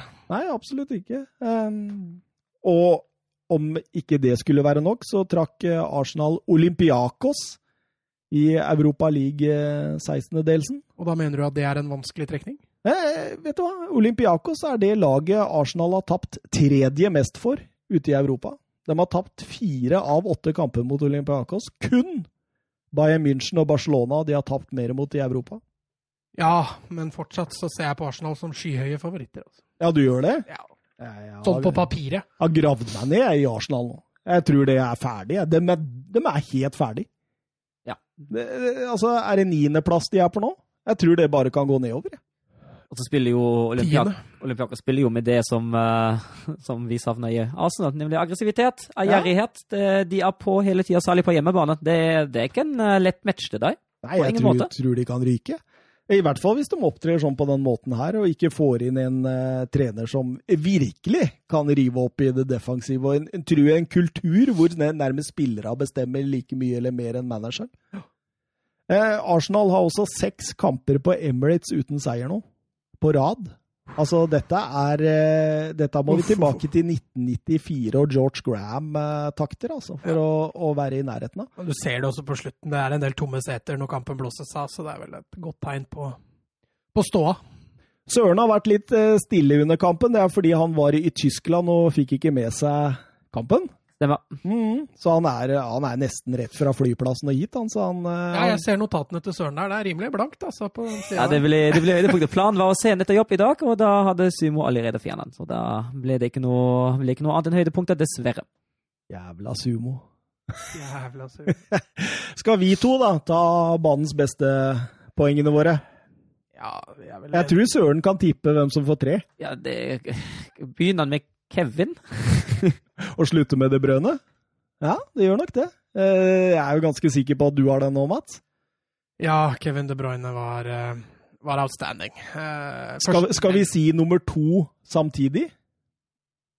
Ja, For du tror den har vi likt, eller? Jeg veit ikke. Skal vi bare prøve på det? Eh, ja. det Teller ned fra tre, så sier vi tre, to, én Fernandinho.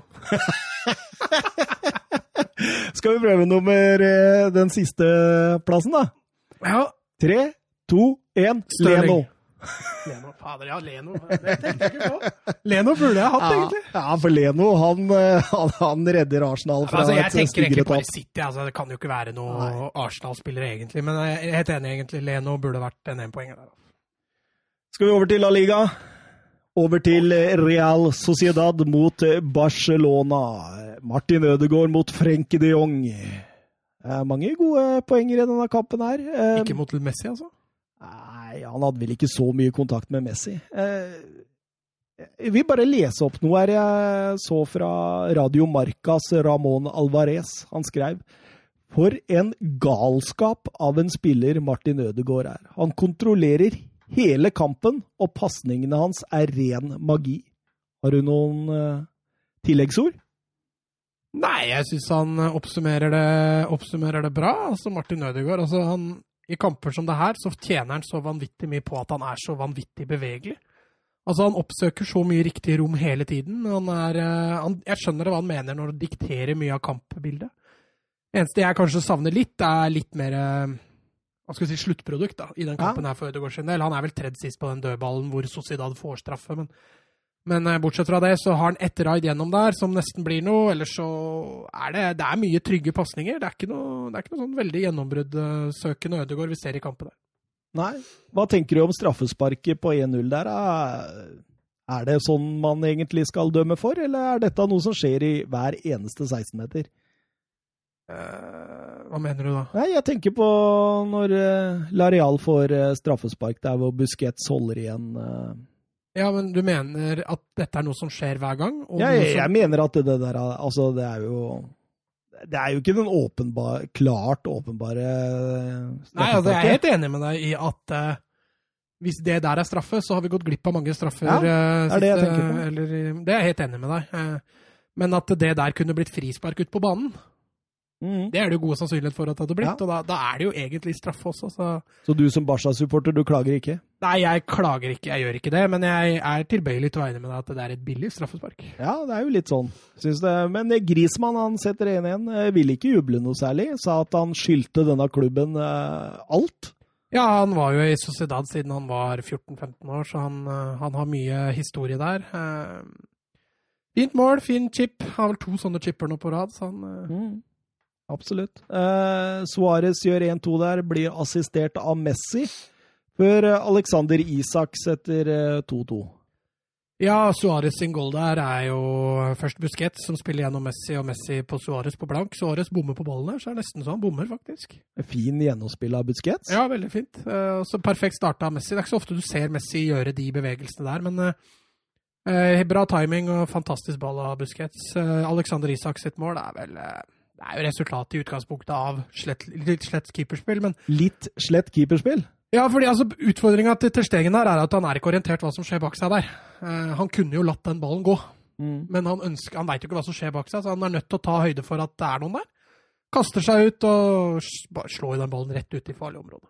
Oppda, Søren, de har kommet med tall om at dette var den tredje store keepertabba til Terstegen i, eh, i La Liga denne gangen, som gir mål til motstanderen. Hva tenker du? Ja, var han eh, var en av de andre mot Mallorca forrige? forrige Ja, gang? det var vel det- også Ja, Ja, snakker det- du det er jo- denne sesongen, eller Ja, snakker du denne Ja, sesongen. det, er jo, det er jo egentlig litt uvanlig, fordi han er jo egentlig veldig stabil. Men uh, så ikke sånn fullt så stabil ut de siste ukene nå. Men han er jo, han er jo egentlig en keeper som har et uh, ekstremt høyt toppnivå. Egentlig også et ganske bra bunnivå, men uh, akkurat nå er han litt, uh, litt overraskende ustabil, syns jeg.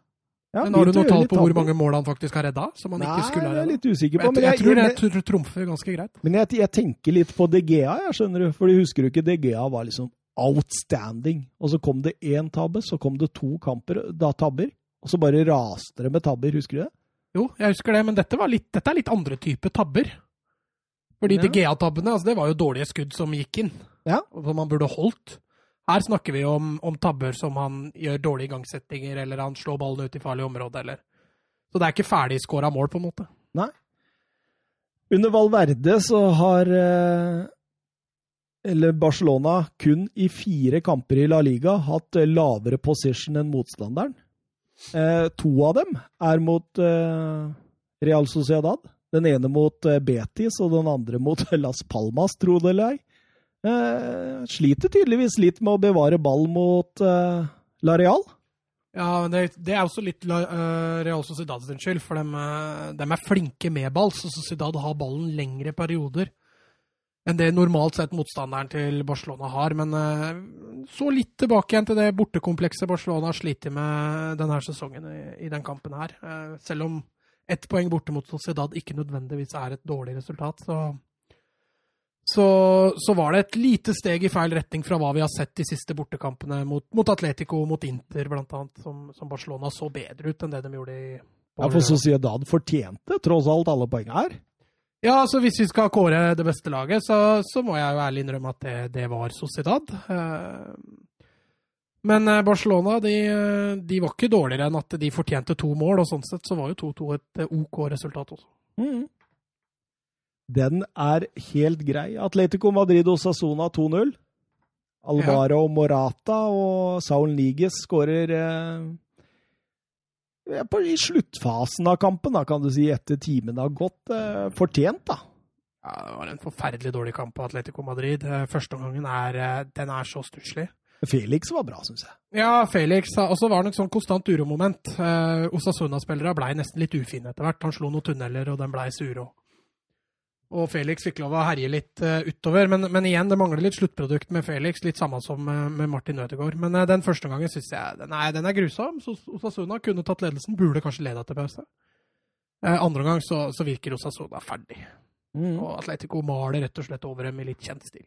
Ja, absolutt. Ja, og jeg syns jo han Sergio Herrera, han keeperen til Osasona, spilte en strålende fotballkamp. Ja, vi snakka jo om eh, Pedro forrige kampen i målet til Osasuna. Nå skjønner vi hvorfor han var tredjekeeper. Ja. Han, I 60 minutter der så er han jo Han er grunnen til at Osasuna faktisk ikke ligger under mer, altså. Ja, absolutt. Eh, Det første målet der, eh, Trippier som slår på hodet til Morata, det har skjedd fire ganger denne sesongen. da. Ja, Trippier serverer og serverer. Det har han gjort egentlig hele sesongen. Ja, veldig, veldig bra kjøp, må du si det har blitt. Han er liksom litt tilbake der han var eh, under Tottenham-tiden for et par-tre sesonger siden. Ja, så kan vi nevne Osasuna sitt forferdelige markeringsspill. da. Morata får jo gå opp eh, skummelt aleine der. Han må nesten tilbake igjen og heade også, så det er, eh, det er forferdelig markeringsspill fra Osasuna sin del på, på det som er en godt slått corner. Altså. Mm. Dette var første seieren til Atletico Madrid siden 10. november. Ja, 3-1-seieren mot eh, Español da. Ja, eh, de har slitt med å, å kassere inn, eh, kassere inn trepoengere. Nå skal det jo nevnes at de bare har tapt to kamper Ja. på den tida også. Det er blitt mye U, men eh, fikk en svært viktig seier i, i La Liga i dag, Også. Nei, på, på lørdag. Ja, Så tenker jeg på lille julaften, så møter en Betis borte. Dette er jo et lag som ikke har vunnet borte siden de vant 0-2 over Mallorca 25.9. Så jeg tenker de får eh, sitt å stri med eh, i Betis. Ja, men nå har de to strake seire, da. Riktignok begge på Wanda Metropolitano, men, eh, men har eh, den andre gangen mot Osasuna og for så vidt kampen mot, eh, mot Lokomotiv Moskva syns jeg var et lite steg i, i riktig retning. Så får vi se om de fortsetter mot Betis. Betis er jo inne i en meget god form. Mm. Tør å tippe Ja, 1-1 tror jeg er et godt resultat. Betis Valencia. Betis Atletico. 1-1 tror jeg vel er et greit resultat der. Ja. Eh, Sevilla via Reala, Mats. Ja, eh, Sevilla egentlig det beste laget, som vanlig. Men de, de har litt trøbbel med å se, omsette, omsette sjansene. Villarreal har jo, får jo knapt låne ballen i perioder i kampen. Og, og Sevilla blir litt for stasjonære offensivt til at de greier å skape de helt store sjansene. Men eh, all honnør til Villarreal. De spiller jo nesten en perfekt bortekamp. Jeg, jeg leste at eh, Sevilla hadde 68 innlegg i løpet av kampen. Ja. 68 innlegg! Og det sier vel litt da om at eh, kritikken vår av Luke de Jong bare kan fortsette. For han Altså Enten så står han jo på feil sted, eller så bommer han jo. Ja, men så tenker jeg også at det da begynner det å bli veldig ensidig. da. Det blir veldig lett for motstanderen å lese. Ja, men så kommer det litt an på hvordan du definerer et innlegg, da. Altså Hvis du tar f.eks. målet til Sevilla, da. Hvis du Mm. karakteriserer det som et innlegg, Ja. um, så skjønner jeg jo at de er oppe i 19. Uh, men sånn du og jeg kanskje tenker et typisk innlegg, da du drar deg ned mot cornerflagget og så slår du en høy ball inn for å gå for heading, så er det jo ikke så mange den type innlegg også. Nei, absolutt ikke. Eh, Jeg syns Pau Torres og Raúl Abiol hadde veldig god kontroll, faktisk, eh, på disse innleggene. Ja, Pau Torres han står jo fram denne sesongen som en av de store store overraskelsene. Han, eh, han tar steg, altså. han har en, hatt en strålende sesong, og så har han fått en veldig rutinert type ved siden av seg. Så det når, eh, Hvis de får i gang Alberto Moreno etter hvert igjen på venstrebekken, så kan de få et meget solid forsvar via Real. Altså. Men det var overraskende, dette her. Ja, utvilsomt. Det, Disse, men disse Real. kampene har Sevilla tidligere i sesongen greid å ri av til sin Ja. fordel. De fikk 1-1 der, det var litt go, du hørte folk på tribunen eh, mana virkelig til eh, å stå opp der, men eh, ja, de har noen sånne X-faktorspillere via Real som er utrolig artig å se på. Altså, nå var det Kambi som, som avgjorde den matchen her, men du har også en uh, Chukwese som, som har hatt en uh, nydelig sesong. Uh, en herlig fotballspiller. En Gerard Moreno som konkurrerer om toppskårertittelen. Så det er litt sånn X-faktor over Villarreal. Mm. Til tross for at de har gått sju kamper uten seier i, Ja. før denne. De har hatt en dårlig form. De hadde en god start, og så Ja. har de dabba. Og nå gikk de som sagt sju kamper uten seier. Ja, absolutt. Eh, Valencia, Real Madrid, eh, Barcelona avga poeng. Dette var en eh, tidlig julegave før El Clásico for Real Madrid. Men jeg, jeg satte meg ned for å se på denne kampen, Mats, og tenkte at uh, dette skal bli artig. Det blei det ikke. Det var en ekstremt kjedelig fotballkamp.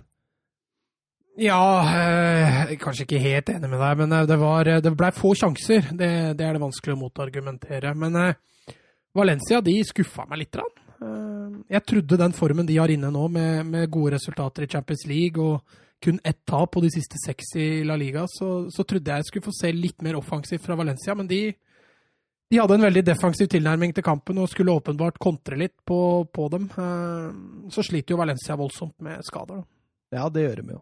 Har jo Eh, nå både Gomez og Gameiro ute offensivt, så Ferran Torres ble jo prøvd som, som midtspiss. Daniel Wass, da, den store poteten i dette Valencia-laget, ble dytta ut på høyrekanten, og, og um, ja, Soler fortsatte jo på venstre, da.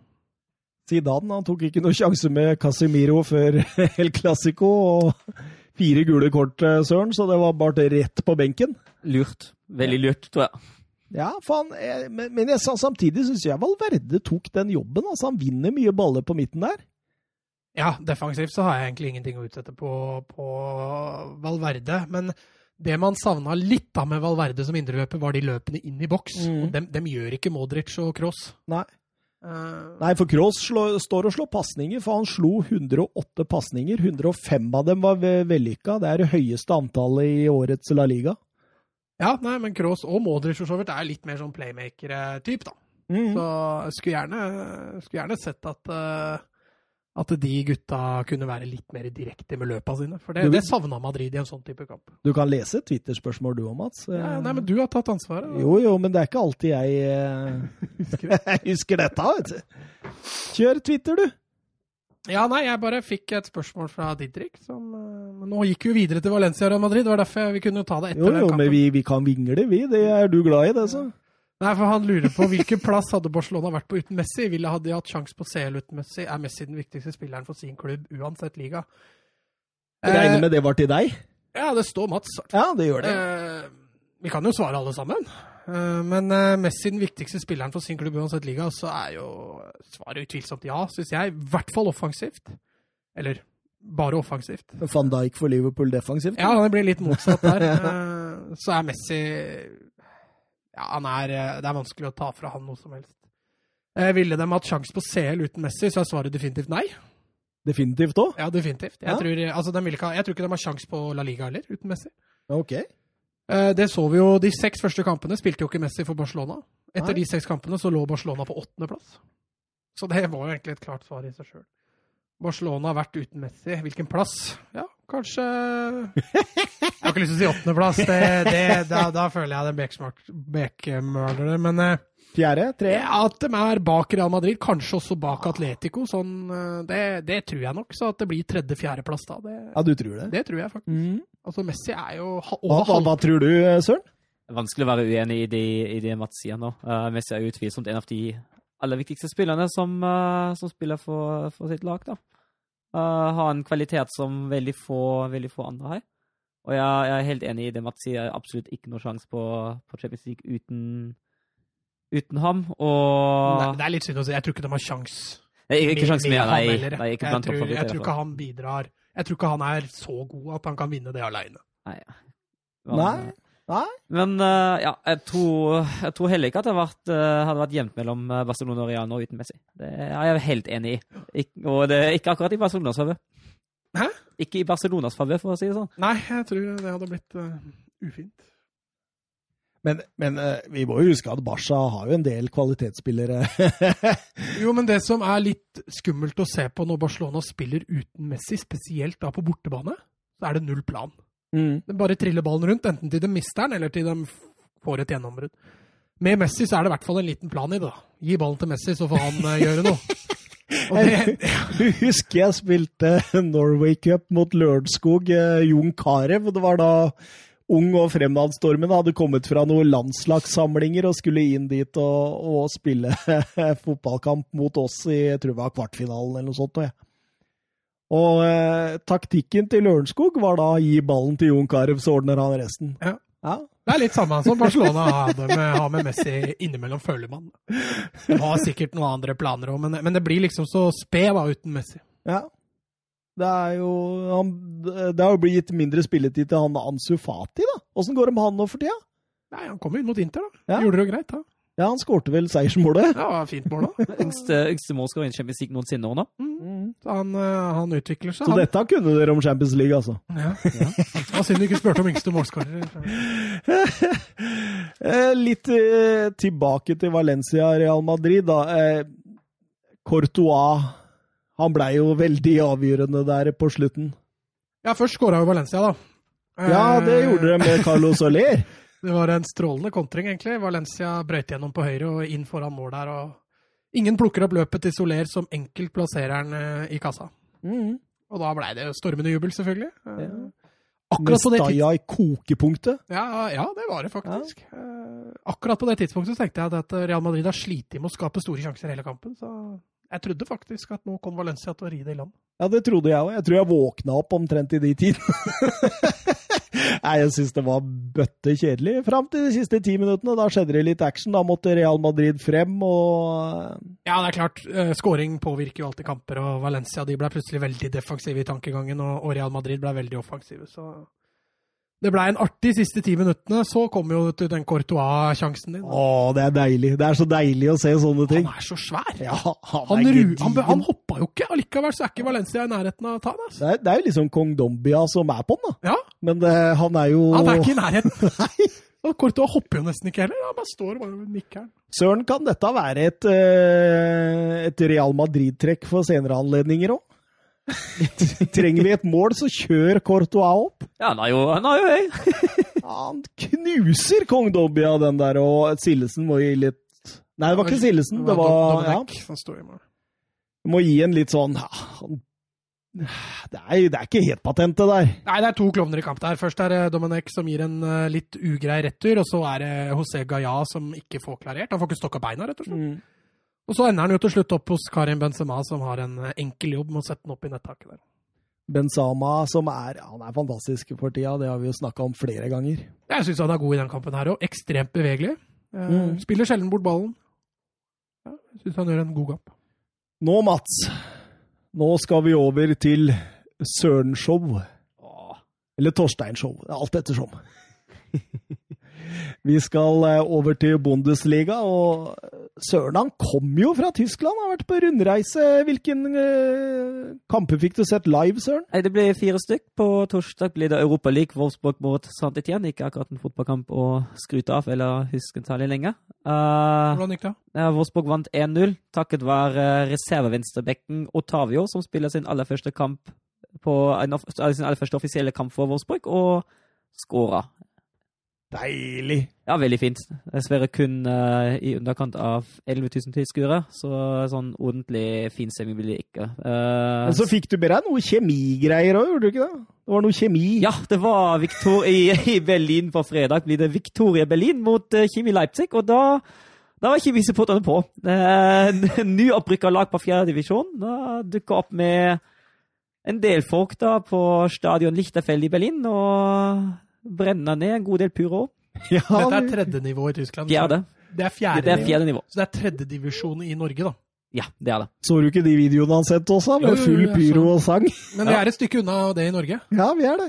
Jeg sitter og sett hvert på en del Gjelleråsen-kamper i år, og det er, er det, det er ikke like mye engasjement fra Men var det god kjemi på tribunen, da? Eller? Ja, Det var jo bare kjemisupporteren som sang, egentlig. Union, jo, eh, for Victoria Berlin hadde sånn eh, fire, fem, 56-åringer som sto, eh, sto fremmest og prøvde å stå litt imot eh, Leipzig-supporterne, men det klarte de da ikke helt. Leipzig vant helt klart kampen på tribunen, men Victoria var best på banen og stakk av med en fortjent 1-0-seier.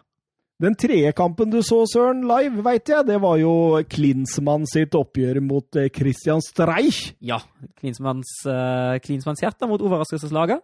Det ble den første Klinsmann-seieren. En fryktelig kjedelig fotballkamp. Uh, Klinsmann veldig defensiv. Freiburg akkurat som, som mot Wolfsburg. uh, stabile i forsvaret, men uh, ukreative framover. Så hadde tidligere Freiburg-spilleren Vladimir Darida som avfyrte hele med et langskudd. Det er av sine egne man skal ha det, Mats, er det ikke sånn man sier? Jo, definitivt. Eh, Og så var det vel greit for eh, Jørgen å få en seier, var det ikke det? Ja, eh, det var, det var så ettertenkt, særlig fordi de neste to kampene møter de vel Leverkosen Leverkusen og Mönchenglattbach. Er det noen som vil tippe hvor mange dager det har gått siden forrige gang Jørgen Klinsmann vant til Bundesligakamp? Det må ha vært i 2009, så det har vært eh, kan du regne? Nei, vi skal Jo, ikke det, det er rundt 3700 dager. Å, det, der, det blir for gærent etter 3892 dager! Ja, nesten, nesten. siden Jørgen Klinsmanns Bayern München slo Armina Bielefeld 1-0. Så eh, dere Jørgen, dere Jørgen, går det an å si noe sånt? Han var eh, De, Jørgen. De, nei, han er ikke intetkjønn. Han er vel en mann, er det Det, ikke det, sånn? da? det er Jørgen, ja. Ja, det blir jo dere Det blir det, Jørgen. Dere Jørgen. Han kjørte Luke Bakio på kant, han også. ja og Luke Bakio gjorde ikke en bra fotballkamp. Nei. Det, han, var, han var stort sett av, men uh, prøvde seg på kant. Ibisevic og Selke fikk spille på topp. Men- Og Jarstein tilbake i mål. Jarstein tilbake i mål. Og solid, men blir ikke stilt for eh, store problemer av eh, et forholdsvis harmløst Freiburg-lag heller. Ja. Jeg føler når jeg ser Freiburg Det er nesten alltid kjedelig fotball. det. Ja. Eller enten så vinner de, eller så taper de. Var ikke så kjedelig den gangen Christian Streich ble uh, dytta over ende, i hvert fall. Da var Nei, det nei, da var det jo av en uh, illsint uh, Abraham. Eller heter han Abraham? Abraham. Abraham. han er argentin, så jeg tror han heter Abraham. Ja. Eh, skal vi snakke litt Bayern München, eller? De knuste Werder Bremen på hjemmebane der, etter at eh, Milot Rasica han eh, Der virka Boateng treig. Ja, Boateng han blir jo bytta ut til pause nå, Det er med god grunn. Da kom Perisic inn. Pavar rykka på midtsoverplassen. Kimmich gikk til høyre bak. Og da syns jeg det fungerte mye bedre for Bayern. Det er kanskje Etter- sånn de skal stille opp, tror jeg. Ja, jeg tror det. Boateng er jo, er jo De har sliter jo med at Javi Martinez har blitt utvist mot, uh, mot Mönchenglattberg, så da måtte jo en annen spille midtstopper. Men Men eh, undervurderte Flikk Rashika litt, eller? ja, jeg tror det, egentlig. Ja, Rashik har Altså, jo enorm fart. Uh, Altså, Boateng er jo bøttetreig. ja. Eh, Rashika er jo rimelig hurtig. Ja. ja, Og så setter du de to opp mot hverandre i en kamp hvor du veit at Verde Bremen kun har kontringer. ja det, det var ikke det Det er litt spesielt. Det er litt spesielt. Hvem hadde vunnet en døp- løpeduell av eh, Higuain og Boateng? Oh, hvem har ball? Det må jo bli Higuain, da. Ja, nei, da tror jeg Boateng hadde vunnet. Det er årets spørsmål. Eh, Men eh, Bayern München eh, ja, På dette tidspunktet så var de jo det beste laget på banen og produserte flere sjanser, men så eh, må ta 45 minutter før Coutinho virkelig begynner, og da er det Coutinho-show derfra og ut. Ja, det, definitivt. Han, uh, han skåra 1-1 sjøl. det var kanskje det minst spektakulære målet han Med god margin det minst spektakulære målet han, uh, han skårer den Det er kampen. bra forarbeid. Ja, det, er- det var det jo Altså, absolutt. sterkt definitivt. av Gnabry der som får slengt ut en tå. Og så er Bremen litt uheldig der òg, fordi under den skåringa uh, skada Gebre Selassie seg og får ikke spille videre. Og ja, da blir det sånn. Og så uh, noen få minutter seinere, på overtid av første omgang, da skårer endelig for Bayern München Lewandowski igjen. Etter tre seriekamper uten mål. Da var han tilbake igjen. Begynte å tvile litt. Tre kamper, og så nå er jo... Han virka litt frustrert tidligere i kampen. Ja, han gjorde det. Ja, det synes Ja, han virka han litt sur, jeg. Ja. Ja. Jeg tror han, jeg tror han var litt utålmodig sjøl, egentlig. Med, ja. Men, og og, da klarer vi å snu eh, oppgjøret til 2-1 før pause, noe som kanskje var en liten nøkkel for den andre omgangen. Ja, jeg syns, jeg syns det var viktig. Uh, og så syns jeg også de spilte klart bedre i, i andre omgang. Som også Det hjelper selvfølgelig at Bremen ikke gjør særlig mye igjen etter 3-1. Da er Bremen egentlig ferdig. Da, er ferdig. da prøver de å få minst mulig baklengs i München. Det gikk jo litt tid før de fikk uh, hull på byllen der. Skåra vel ikke før ute i 60. eller et eller annet, før Coutinho 63, ja. ja. Men når 3-1 kommer der, så er det jo Det er jo enakjøring. ja da er det ferdig. Det er jo fullstendig det er ferdig. Det er, det er helt ferdig. riktig, det er ferdig. Det er ferdig, da.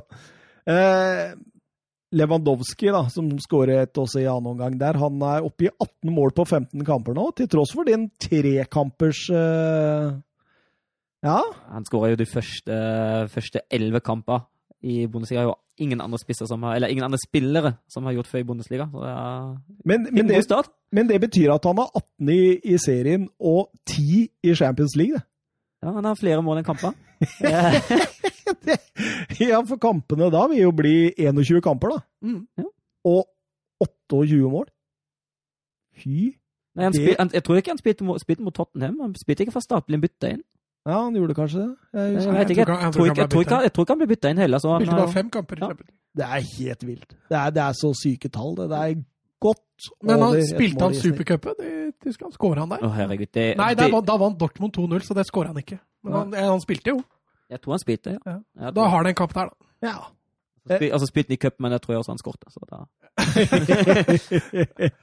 Milot uh, Rasica han har åtte mål og fem assist han, på de siste 14. Ja, imponerende, særlig med tanke på hvordan Bremen ligger an. Det, Mm. det hører jo med i historien, det kan jeg kanskje skyte inn her. Bremen hadde nå en ekstremt viktig hjemmekamp mot Mainz. Uh, Kohlfeldt sto endelig, eller satt endelig etter kampen og sa nei, nå er vi faktisk i nedrykksstriden, der Bremen egentlig har vært i noen uker nå. Uh, Tapte jo 0-1 mot Paderborn forrige helg, så ble det 1-6 i Bayern nå. Og så var det nedrykksduell mot Mainz 05 tidlig i dag, tidligere i dag. Og da leda Mainz 4-0 til pausen, vant 5-0 til slutt. Så i Ja. Bremen uh, er det ordentlig krise.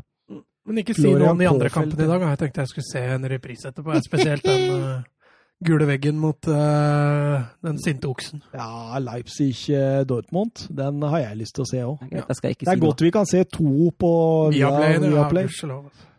Eh, Køllen, da, godeste Torstein. De, de møtte Leverkosen, og litt overraskende der så vinner de 2-0. Ja, det syns jeg òg, men øh, ønsker jeg nå ja, kanskje framheve tre ting her. Uh, det ene er lagoppstillingen til Peter Bosch. Han starta da med tre bak, eh, to foran eh, de tre. Det er Baum, uh, og Aranguiz eh, sentralt defensivt på midten. Og så har han en fire spillere foran deg, og da har han eh, på kantene har han Diaby og Benda og Hamiri Havertz i midten, eh, bak Kevin Folland. Og så starter han egentlig kun med én eh, offensiv kant. Lars Benda er jo en ganske defensiv spiller. Jeg har egentlig bare Diaby som, eh, som kommer offensivt over vingen her. Og så har han Köln et ganske så sterkt og robust midtforsvar. Og Alario, som uh, egentlig er en litt sånn sterk og robust type, han sitter på benken i 90 minutter. Mm. Det løsna jo ikke for Köln før Leverkosen begynte å få røde kort, da. Nei da, det, er- det er det andre jeg vil snakke det må jo nevnes. Og Leon Bailey klarer altså å få sitt andre strake røde kort på grunn av altså, usp altså vold. Det er den første spilleren i Bundesligas historie som klarer å få to røde kort som innbytte i løpet av én sesong. Men er han litt frustrert, eller? Ja, altså, ser, ser, jo litt, ser jo litt sånn ut, egentlig. Uh, Men usikker, jeg trodde han var på gang, jeg. veldig varierende fortsatt. Veldig. Uh, veldig opp og ned. Han satt jo bare på benken nå mot, uh, mot Köln. Det kan godt tenkes at, ikke, at, det, han, at han ikke likte det så godt. Og så ligger de jo under. De får jo, jo 1-0 uh, fire minutter før han blir utvist, så da kan det godt tenkes at det er frustrasjon som litt, tar litt over her. Ja, For Dragovic klarte å pådra seg rødt òg. De Ja, spilte jo med ni mann der. Ja, men det første gule, det var jo det var Ja, Du snakka om det i bilen her. Ja, det er, det er han som, eh, som blir felt av uh, Drexel, og så får han gult kort. Eh, Det var kanskje ikke helt, uh, helt Men har de, men har de ikke VAR i Bundesliga? Jo, men gule kort tas ikke. Nei. Gule kort, eh, det bare kun hvis det gis til feil spiller. Type at uh, dommeren tror at det er en annen spiller. ja, men det er jo hver feil spiller. ja, men det, det er en situasjon at dommeren, eh, dommeren bedømmer situasjonen feil. Um, Og ikke at han, at han gir gult til den ene midtstopperen som kanskje ikke burde ha fått, og hele kollegaen. Um, men når det er sagt, vet jo Dragovic også veldig godt at han har gult i den situasjonen. Eh, og det må han jo ta hensyn til. ja, absolutt. Eh, men dette er et derby, dette, Søren. Ja, det er det. Det er sånn uh, derby, trekant, Köln, München, Glattberg, Leverkosen. Det Rine Derby, er det det heter? De- Rein derby. Ja, det er mange som heter det. Köln, Düsseldorf, Köln, Köln, Leverkosen, Det er mange Ja, sånne det, det, er de, det er egentlig ikke trekant, det er egentlig firkant. Det er egentlig de fire buer som ligger, ligger rundt deg, som Mm. egentlig har derby. Men uh, Köln, Leverkosen er litt mer intense enden av Du har hørt om fjellet Rhinen, eller? Fjellet? Hva er det du? Jeg prøvde bare å finte deg ut som Messi. Ja, ja nei, jeg hørt om elva. Ja, du har det. Ja. Ehm, ja, nå, jeg, jeg tenkte jo jeg skulle ta opp at uh, Köln uh, hadde en 17 år gammel debutant uh, som er den første 2002-er til å spille i Bundesliga, men så hører jeg Søren har et talent. Ja, ukas talent. Det, Så jeg skal, skal la være å, å fortelle noe særlig mer om det, og så kan jeg heller fortelle at Kai Havertz var den yngste spilleren i Bundesligas historie til å nå 100 kamper. Ja. 20 år og 186 dager. Gratulerer. Ja. Mm. Leder foran Leder, i anførselstegn, foran uh, Timo Werner og Julian Daxler. Ja. Ja. E- Ekstremt skremmende bunnivå på dette Leverkosen-laget. Ja, nå har vi skrytt av dem. Satt vi og slakta dem i Bundesliga-spesialen, og så, Og så og så de glimta dem til! Og så, Ja. og så da satt vi og skrøt av dem i forrige podkast, og da bare Ja. Spesielt. Men eh, jeg tror med 11 mot 11 hele den kampen Tror du ikke det resultatet hadde sett litt annerledes ut? Godt mulig, det er jo, blir veldig hypotetisk, men altså, uavhengig av utvisninger spiller ikke Leverkosen en særlig god fotballkamp. De, Nei, det er vanskelig å være uenig i. Det er jeg helt enig Jeg, i. jeg syns de, syns de egentlig mangler De mangler kreativitet, de mangler gjennomslagskraft. De mangler egentlig, egentlig alt de trenger for å bli ordentlig farlige å ha i den kampen. Men Köln var ikke spesielt farlige, dem heller. Nei, det, var det, det var det. jeg skulle fram til. Ja, det er, det er jeg enig i. Så at dette hadde ebba ut med 0-0, det Ja, tror jeg det det- var gode muligheter det, for. det kan fort bli det, ja. Så var det jo så var det jo brukbart av han eh, treneren der, han Gis, Gidshold. Gisdol. Gisdol, han som satte inn Cordoba der når det blei rom, da.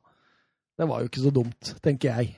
Nei, det ble jo veldig mye rom etter hvert òg, når eh, Bailey også gikk og satte seg i garderoben. Ja. Eh, nå skal vi snakke om to kamper hvor det ble rein overkjøring, egentlig. Vi begynner med Mainz mot eh, Dortmund 0-4. Eh, Favre fortsetter i 3-4-3 og gjør det med suksess. Etter dette så har de fire strake seire og 11-2 i målforskjell, eh, Søren. Ja, to, uh, to baklengsmål på 360 minutter. Det er, det er ikke så dårlig. Favre sjøl har sagt at den, uh, den systemendringen den kom på intuisjon. Ja. Da han fulgte sin egen intuisjon, og det, det, fungerer, det fungerer utmerket nå. Det, Ja, for, for, fordi jeg har, jeg har notert et spørsmål her. Det, så anser det som Twitter-spørsmål fra Thomas. ja. Eh, undervurderer vi Favre litt, egentlig? Fordi han viser jo at han kan ta grep også. Eh, Jeg, jeg så noen tall, skjønner du, Søren. Og det er at eh, gjennomsnittlig poengscore under Favre har Dortmund 2 poeng og 14. Under Tuschel så hadde de 2,09, og under Klopp 1,91. Altså Favre knuser disse to som vi anser som to av verdens beste trenere. Så undervider Altså, nå også altså, han, på en måte, Nå har han spilt denne 4-2-3-1. Eh, det begynte å, å gå skikkelig dårlig.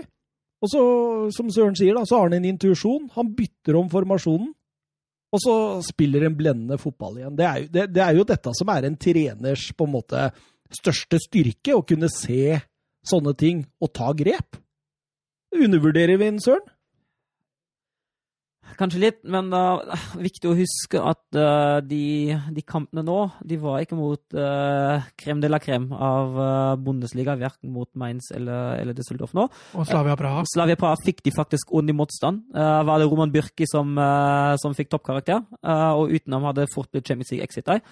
Eh, så det er jo spørs i hvilken grad denne intuisjonen eh, er nok de, Jo, de neste Men, kampene. men, men, men eh, gjennomsnittspoengstom eh, står jo der enda. Ja, for all del. Uh, og den, den, er jo, den er jo uten tvil bra. Uh, men uh, Han er ikke Favre-fan, vet du. Men, men, men, så er det litt sånn, husk på at Klopp konkurrerte jo med Bayern München når Guardiola ikke var der. Bayern var jo helt overlegen, altså var for så vidt Aune Henkes også, men, men du, etter, krevde det like mye poeng å vinne Prem, Bundesliga når Klopp tok de gulla med, med Dortmund? Nei, kanskje ikke. Uh, også til, for Klopp trekker jo også ned den siste dårlige sesongen. For da, da lå, de jo, lå jo faktisk til etter 17 kamper, tror jeg de lå på 18.-plass. Mhm. og da, da kom de seg vel opp igjen i øvre halvdel. Uh, men eh, det er jo en undergjennomsnitt dårlig sesong, den siste der. Eh, eh, Søren, veit du hvordan Klopp gjorde det siste sesongen i Mainz? det husker jeg ikke, men jeg tror ikke det var sånn eh, Hva var det da han rykka ned, kanskje? Han rykka ned Mainz en gang. Eh, Er, er dette håp for oss som eh, ikke er eh, glad i denne Liverpool-dominansen, eller? Ja, men det tar jo sju, fem og sju år da, før vi er der. Ja. Så det er jo et par sesonger til. da, Ja, før, ja, man har vært der fem nå.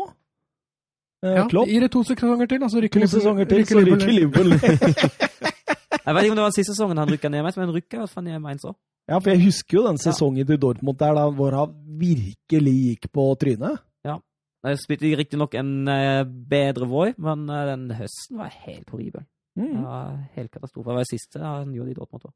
Men det var solid av Dortmund denne gangen. De, de hadde, og, og, og når du får de fire inn sammen der, Brant som en sånn dirigent, og, og Sancho Han hadde han nå! Seks kamper på rad han skåra nå. Etter, den, etter denne katastrofale Bayern-kampen. Da har han bare kommet seg og vist en reaksjon som Ja. han skulle vise. Og Han blir fantastisk. skjøvet over på venstre òg. Mm. Ja. Han har det, fordi eh, Hazard eh, har jo spilt seg til fast plass på den høyre, og gjør jo det også strålende. Og Royce eh, ja, Skåra er sitt første mål borte denne sesongen. her. Ja. Eh, Nico Schultz skåra sitt første mål for Dortmund. Eh, mange premierer her. Men Nico Schultz, er han bedre som litt sånn offensiv back, holdt jeg på å si? Ja. en, ja. Ja, jeg syns det. Han har det. For han var jo tidvis skandale i en firer. Ja, vi snakka jo om Gureiro som at dette var en rolle som passa han perfekt. Eh, Jeg tror vel også Schulz uh... Altså, at- at det er litt det han er vant til med fra Hoffenheim òg. Den, Men, men hvis. Dortmund skal fortsette med dette systemet, må de på markedet og kjøpe spillere igjen, eller? Ja, Det kan jo fort uh... Hva, hva tenker du de trenger, Mats? Ja, altså jeg ser jo det at backup på stopperen er rimelig tynn. altså. Ja. De har tre stoppere. Eh, De har vel egentlig fire stoppere, men eh, skulle det komme en skade, da, så er de allerede litt i trøbbel. Ja, det Han har jo brukt Weigel Det blir Weigel igjen, og det, det er jo ikke bra. Ja, det, gikk, det gikk jo kjempefint. Var det Freiburg hvor han ble Paderborn. Var det, ja. Der ble det, så ut som han sto stille. Ja. Du Nei. ser han gjør seg bedre på midten. Det kan Ja, man ja, kan han ta det igjen på god plassering i Mm. forsvar, så blir du mye mer straffa for det. Eh, over til en annen kamp hvor det var enveiskjøring fra start til slutt. Det var eh, Fortuna Düsseldorf mot eh, RB Leipzig, Søren. Ja. 0-3. Uh, Patrick Schick igjen med en tidlig scoring. Han har fått skikk på skikk! Ja, ja. han har det. Jeg, men jeg, jeg så litt på de tallene til Schick i Roma.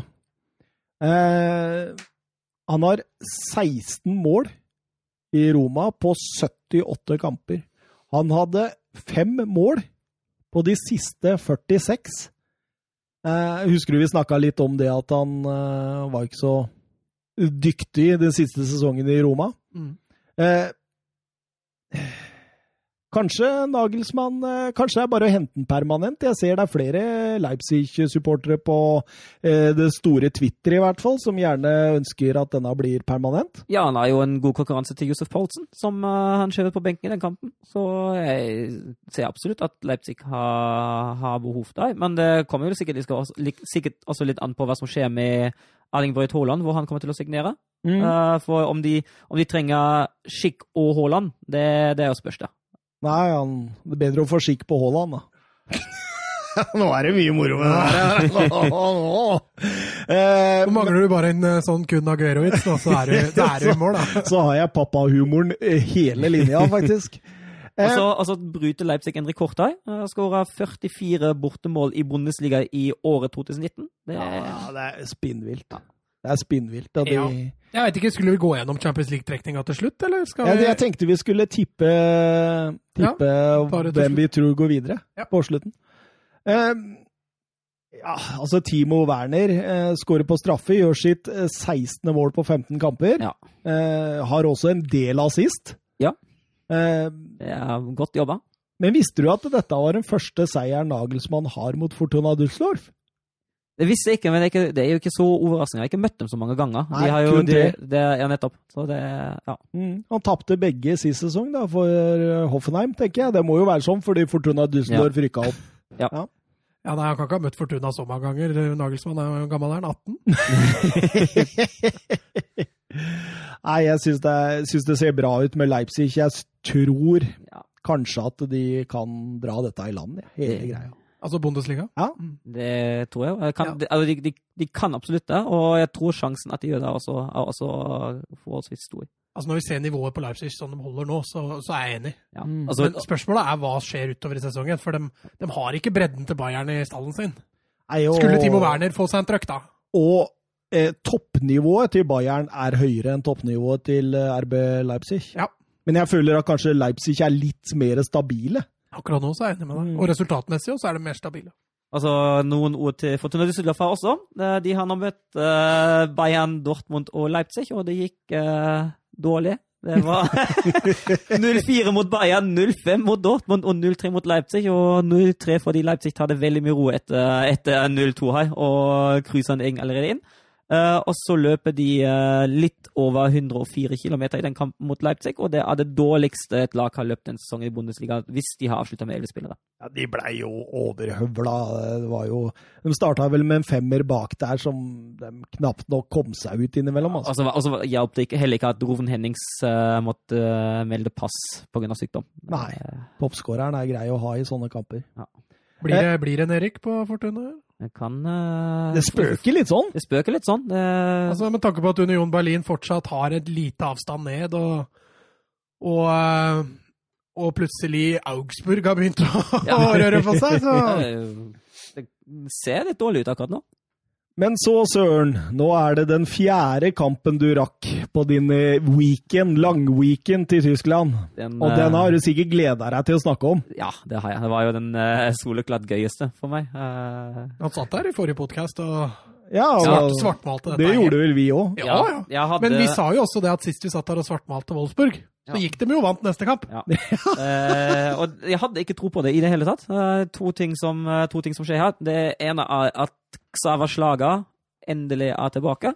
Han har vi etterlyst. Ja, og han spiller en strålende kamp. Eh, Så lenge, han, må, han må ut uh, i andre omgang fordi han, uh, han er ferdig, han er kjørt. Men uh, så lenge han er på banen, spiller han strålende. Han sjøl sånn, var ikke sånn 100% fornøyd. Han var sånn ja, nei, noen, noen dueller merker jeg at jeg mangler litt, uh, litt matchpraksis, matchpraksis, men eh, jeg syns det var klaging på høyt nivå. Han, eh, Mm. Jeg mener at han var banens beste spiller. Jeg syns han, er- han er strålende. Men han gjør vel en taktisk uh, omrokering Ja. også? Og det er, det er egentlig det aller viktigste han gjør. Han, uh, han spiller nå med fire bak. Uh, plasserer Joshua Gelavogi sentralt foran forsvaret. Og har Arnold og Slaga eh, sentralt i midtbanen. Og så bruker han Renato Steffen for en skada med Medi på høyre kant. Joe Victor på venstre. De to rokerer og rullerer godt. Og så er det selvfølgelig Volt Weghorst på topp. Altså, ser man det særlig på, på venstrebekken Jerome Rosillon. Uh, han var fantastisk under Labadia forrige sesong, da vi spilte med fire bak. Da var han en av Bundesligas aller beste venstrebekker. Han har slitt veldig med den rollen av å være den eneste på kant under uh, tre av forsvarsrekka til, til Glasner, og han storspiller nå mot, uh, mot München-Glattberg. Og gjør jo et strålende forarbeid til slaget sitt mål. Ja, han gjør det. Uh, slår tunnel på, på meg, og så legger han godt tilbake. Men eh, målet var offside. Eh, Joe Victor står med, med halve foten i offside og i synsfeltet til Det er det jeg sier de har ikke var i Bundesliga. Nei, eh, Forbundet innrømmer feil etterpå, fordi de sa nei, vi sjekka det ikke. Er det ikke sånn at de sjekker alle mål, da? De burde gjøre Det det. er rart, ass. Men er det ikke litt overraskende at han velger en Bolo som spiss, han Marco Rosa? Jo, Jeg i hvert fall han i har vært- forhold til sånn vi har sett. Ja, så han burde jo vært eh, bak spissen, en Bolo i hvert fall. Mm. Eh, Han setter jo både Stindl og, og Patrick Herman på benken. Ja, han gjør det. Eh, Spiller, spiller med Turam, Embolo og Plea, hele, hele pakka Ja. frem med deg. Men det er egentlig bare Embolo som gjør en eh, god kamp av de tre. Ja, helt enig. Absolutt. Eh, Wolfsburg eh, de fortjente jo egentlig den seieren, selv om eh, Mbolo skårer 1-1 der. Og jeg, som jeg sa til Søren i bilen jeg, Det var noen eh, slakke minutter der i, i løpet av kampen, men Søren han, han hadde det gøy. Han, vet han drakk pils og kosa seg på kamp. han. Det stemmer. det, det er, opplevelsen er jo litt annerledes som eh, når man er på stadion når man ser den på Enn å se den i sofaen Ja. to dager etterpå, ja. Ja, ja men jeg er, jo, jeg er enig, det skjer, det skjer, det skjer forholdsvis lite mellom, mellom 15. og 50. minutt. Eh, og så var jo Glattbart nære på å ta ledelsen. Uh, da jeg tror det er Mbolo kommer seg alene gjennom å Kohn Castells uh, stå sin mann. og, og det er jo en nøkkelsituasjon i kampen. Det er det. Fordi hvis det står 1-2 der, da, da, blir det, da blir det tungt. Det blir Ja, vanskelig det, for Wolfsburg. Ja, det blir nesten umulig. Så jeg, jeg føler jo liksom at det sånn kampen blei, så var den jo helt perfekt for Wolfsburg. De tok ledelsen, ja ok, de eh, kom tilbake raskt, men så, så får de ikke det der av målet som gjør at Wolfsburg må løfte seg og, og kan bli kjørt kontringer på. Det, det kommer aldri. Og da ligger eh, Wolfsburg bra, syns jeg, i forsvar der. Ja, jeg er helt enig. Og så er det faktisk be betraktelig bedre offensivt nå enn sist. Det, det er flere sjanser midtveis i andre omgang. Det blir enda et stolpeskudd. Joe Victor tar stolpen i første omgang. Eh, Kevin Babo, høyrebekken, treffer stolpen i andre, selv om han egentlig burde ha latt den gå til Det, det, er, bak det, ham. det er en litt artig spiller. Babo, ja, han har, han har vært uh, Du veit ikke okay, hva du får. Ja, men du veit ikke hva du får, tror jeg. Nei, det er litt Altså, han var Han, fikk spille mot Sant Etienne, og så fikk han spille mot, uh, mot Alexandria, og så fikk han spille de to mot Leipzig. Han er egentlig aldri overbevist noe særlig. Han var bedre mot Mönchenglattberg nå, men det er et stykke oppover. Og akkurat nå som det er, anser jeg William som det soleklare førstevalget på Ja. Ja, ja, det er klart. Eh, Maximilian Arnold, han setter jo 2-1 på overtid. Da var det det, da var det stemning, eller? Da var det stemning. Da var det, da var det god stemning. Da- da gikk eh, pølsa i været og snitcheren eh, veggimellom, eller? ja. Nei, jeg eksploderer. Jeg sto jo, sto jo litt, eh, litt ovenfor eh, Ja, målet, det ene målet jeg så Ja. på videoene du sendte. Ja. Hvem er det du var på kamp med?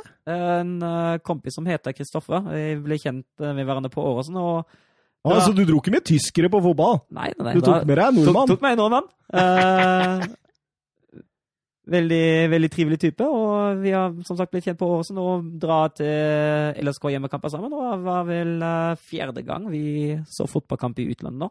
Sammen. Husk å ta med meg og Mats neste gang. da. Ja, det er bare, å bli med. Når han skal på Åsen, nei. Det gidder jeg ikke. Nei, det, det gidder man ikke. Eh, begynner å nærme seg to timer nå. Vi må gjennom La Liga, nei, jeg, vil Serie A. gjerne, jeg vil gjerne uh, rose en spiller denne helgen. Uh, Ja.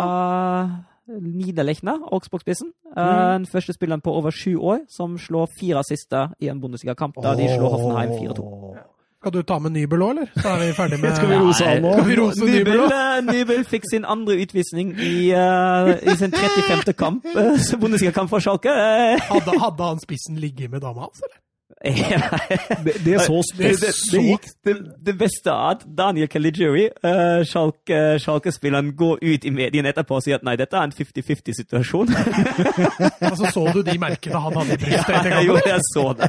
Det var jo et overfall Ja, det- det- det- uten like. Det er jo bra at det går, det er veldig bra at det går bra med ham. Men uh, Schalke, Schalke sliter nå. Uh, De vant jo. vant nå 1-0, men uh, Vince McKenny, uh, som egentlig er nødmidtstopper etter at Stamboli uh, uh, Nastasic og Sani har skada. Uh, han skada seg tidlig i kampen. og Så var det Bastian Chipka som måtte spille midtstopper i store deler av kampen. Og så var det Nubel nå som er ute. De har riktignok en god andrekeeper i uh, Tysklands U21-landslagskeeper Schubert, men, Men, men har, du, har han fått noe karantene ennå? Ja, fire kamper. Fire kamper. ja. Bailly har fått uh, tre for Leverkosen. Hvem er, hvem er reservekeeperen igjen til Schalke? Ja, Han, Schubert. han sa det akkurat. Ja, Schubert.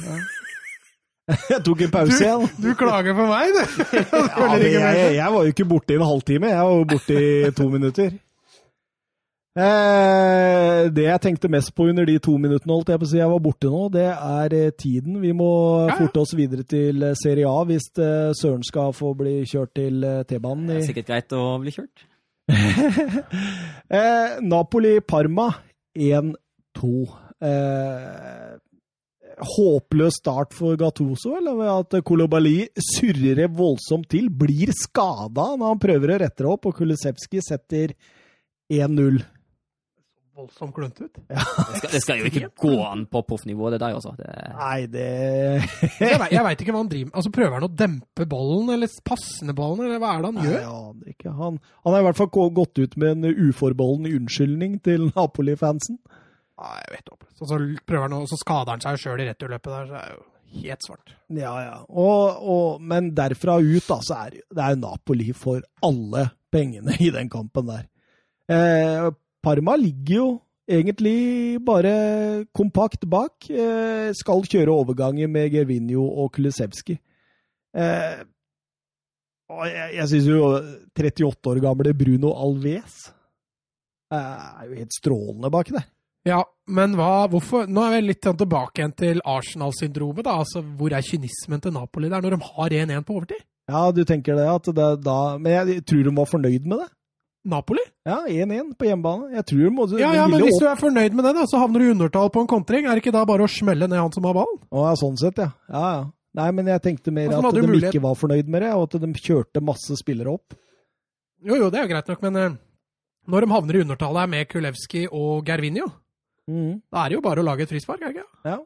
Få et gult kort. Ta et gult kort der, da. Mm. Det er jo livsfarlig med en gang. Nei, det var eh, Men, men når Gervinho skårer der, er det Det er vel tre minutter på overtid, tror jeg? Ja. Da tenkte jeg dette er sesongen hvor det, hvor det virkelig Men er, er Gattusso løsningen? Nei, han er jo ikke det. Men jeg syns han spilte bra, da. Men om det er Gattuso sin fortjeneste, fortjeneste, om det er Angelotti, det veit jeg ikke. Ja, men Hun spilte jo bra i siste kampen To siste kampene til Ancelotti spilte de også bra. Mm. Hadde jo fortjent, ja, De vant jo Champions League, da, men de hadde jo fortjent å vinne den uavgjort-kampen òg. Det er litt rart å fyre Angelotti. Vi snakka jo om, eh, om det forrige episode, at eh, da var det rykter om at han skulle gå. og det han minutter uttalte jo ferdig med opptaket, da Ja, det, det var akkurat når vi slo av opptaket, så sa han Søren, nå har han fått sparken. Jo, men noe måtte jo skje, da.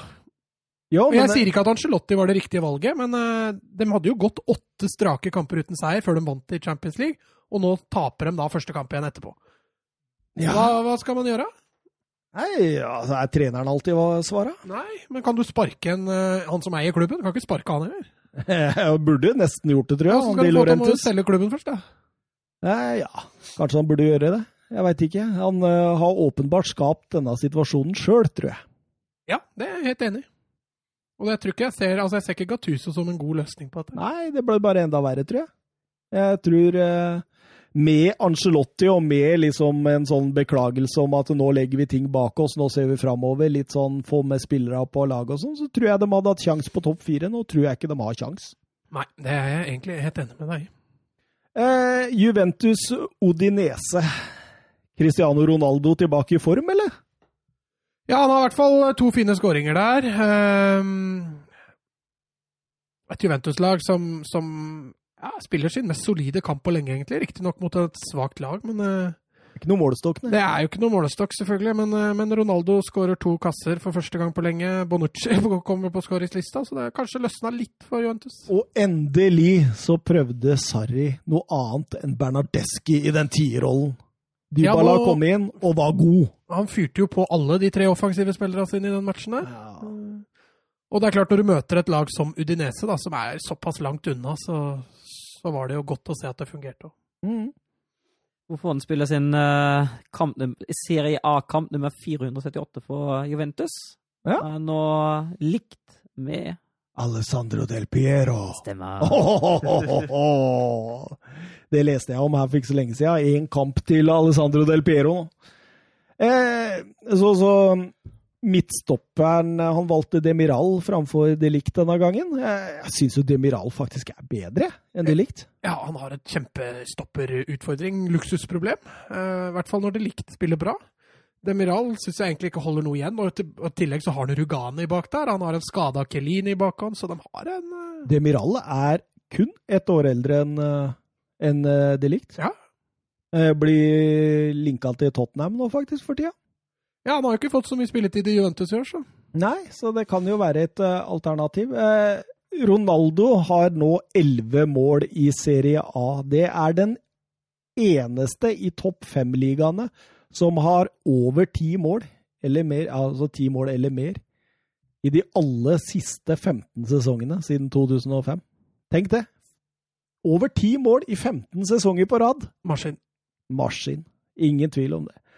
Eh, skal vi hoppe litt videre? Milan Sassolo 0-0. Vi kan jo si noen ord. Milan Jeg syns de ser bra ut nå, altså. Jeg syns det ser mye, mye bedre ut. Vi må kunne si det. Ja, enig. Og de burde jo ha vunnet en kamp nå. Det er jo uh er jo Vai og tverrligga og stolpe og Og ikke minst ja. Gianluca Pegolo. Han keeperen til Sassolo ja, spilte en nydelig kamp. 38-åringen som ikke har vært fast i klubben sin siden 13-14-sesongen. Spilte sin første kamp i Serie A i denne kampen her, og var rett og slett outstanding, altså. Ja, han redda dem ved flere anledninger, og jeg er helt enig. Jeg syns Milan ser det. Det er litt artigere å se på Milan nå, selv om ikke det ble noe mål, så så ser det bra ut. En spiss inn der som skårer litt mer enn han der Kløna som spiller der nå. ja, men jeg syns likevel denne kampen er ikke det dårligste jeg har sett han. forhold til duellspill og det å ja, Han skulle hatt et mål. Ja, han burde jo kanskje gjort det. Men jeg syns liksom det er flere under Pioli som gjør det bedre nå. Og det at han har gjort eh, han eh, Benazer til en sånn defensiv eh, rivjern i treeren bak der som en sånn sjef Ikke bak der, men på midten der. Det, det tror jeg har eh, Han har tatt steg, altså. Det er litt rart, og Rafael Lea har vært inne på det før òg. Jeg syns han er frisk nesten hver gang han kommer inn. Ja, To i, ja. stanga der, eller én i tverrlegger. Det, det, bidrar jo ikke til effektiviteten, men, men uh, han skaper noe liksom så ofte. Ja, så fysikk, Bonaventura fortsetter å spille bra. Conti er god på Og disse Suso Shalanoglu. Jeg syns det ser mye, mye bedre ut. Eh, kan vi tro uh, at Milan har en sjanse på den fjerdeplassen, eller hva tenker du? Ja, Hvis de fortsetter å spille sånn, i hvert fall. Ja. Men uh, altså, akkurat, akkurat, nå da, så har de jo elleve poeng opp til Roma. Ja, Nei, det er jo men, litt å ta igjen. Roma er jo Altså, jeg, jeg, tror Roma har bare tapt to kamper denne sesongen. Ja, de har det. Kanskje vi undervurderer Roma litt? Roma er litt sånn, eh, litt sånn ja, skal vi si, litt uh, Italias svar på, på, Atletico. Det har noen kamper hvor det virkelig rusker litt i maskineriet, men de, men de sliter jo med å tape kamper. Mm. Så, det er en god egenskap. Det er en veldig god egenskap. Så jeg, altså Lazio har jo vært fantastiske nå, men Roma holder jeg som en eh, Jeg vil akkurat nå holde Roma som en liten uh, fjerdeplassfavoritt. Du gjør det, ja? ja. Fiorentina Inter 1-1. Skuffende for uh, Conte, dette. Ja, jeg syns det begynner å merkes litt at Inter har en litt tynnere midtbane enn det de har uh, på sitt beste. Uh, de sliter nå med å avgjøre kampene sine, mm. som de ikke gjorde før. Nå blir det mye 1-1, 0-0, 2-1-tap mot Barcelona i Champions League. Eh, de har ikke de matchvinnerne på midtbanen som kan bidra med assist og tilrettelegging. Det blir for mye som skal avgjøres med Lukaku og Martinez. Absolutt, absolutt. Eh, møtte jo her et svært pressa Fiorentina og Vicenzo Montella der. Jeg hørte et intervju med han eh, Comisot, han eh, eieren til Fiorentina, foran kampen. Han sa det at vi tar én kamp av gangen. Han fikk spørsmål om Montella sin, eh, sin videre engasjement i klubben. Eh, oppskriftmessig tar jo inn til ledelsen der Valero der som skårer sitt første for sesongen. Eller det er sitt første mål på nesten 600 dager, faktisk. Mot gamleklubben. Mot gamleklubben, ja. Og de hadde jo også 2-0 der, trodde mange, når eh, Martinez satte inn den, men uh, VAR gikk inn og sa at det var offside på Lukaku i uh, oppbygningen. Ja, det var det jo. Ja, det var jo også det. Uh, Inter nok totalt sett best, tenker jeg, men at han Fiorentina-keeperen, Dragowski, er det det han heter? Ja, Dagavski. Ja, Han hadde mange gode redninger, blant annet sånn Gordon Banks-kopi. Så du ja, den? Den mot Lukaku, den headinga? Ja. ja, herregud. Den var jo nydelig. Ja, helt fantastisk. Eh, men Fiorentina var jo ikke veldig dårlig på overgangene, da, og skapte jo alltid litt sånn Ja, du, du, du satt ikke der i hvert fall og tenkte at dette drar Inter enkelt i land. Nei, jeg syns egentlig det var fortjent at Fiorentina fikk med seg noe fra den kampen. jeg syns ikke Inter var så spesielt eh, wow gode i den kampen der at det, det hadde vært en fortjent seier. At det ble 1-1 der. var Men- greit. Litt naivitet å få, å få en overgang eh, 90 pluss 2 når man leder 1-0. Ja, men er det typisk Conte? Det er jo, Conte er jo mener en som spiller litt på resultater. Det er fin skåring nå. Ja, absolutt. Uh, Unggutten uh, Vlaovic der. Ja. Absolutt. Eh, er verdt å nevne også at eh, Lucien Agome fikk sin debut for Inter, franskmannen som jeg faktisk har vurdert tidligere som ukens talent. Jeg fikk seks minutter her, han blir kalt den nye Pogba, så blir det spennende å følge med utviklingen der. Det blir mye festing da framover. Mye dansing, så er det den nye dansevideoen der.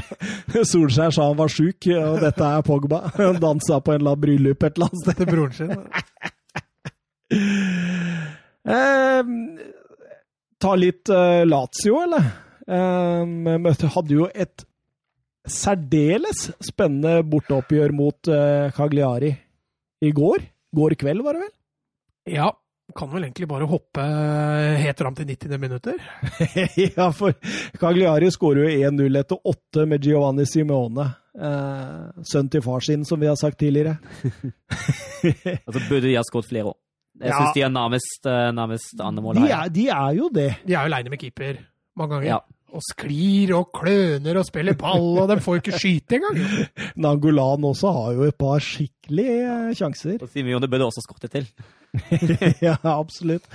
Men eh, som Mats er inne på, på overtid der, så snur Lazio det hele. Inn i flyt, altså.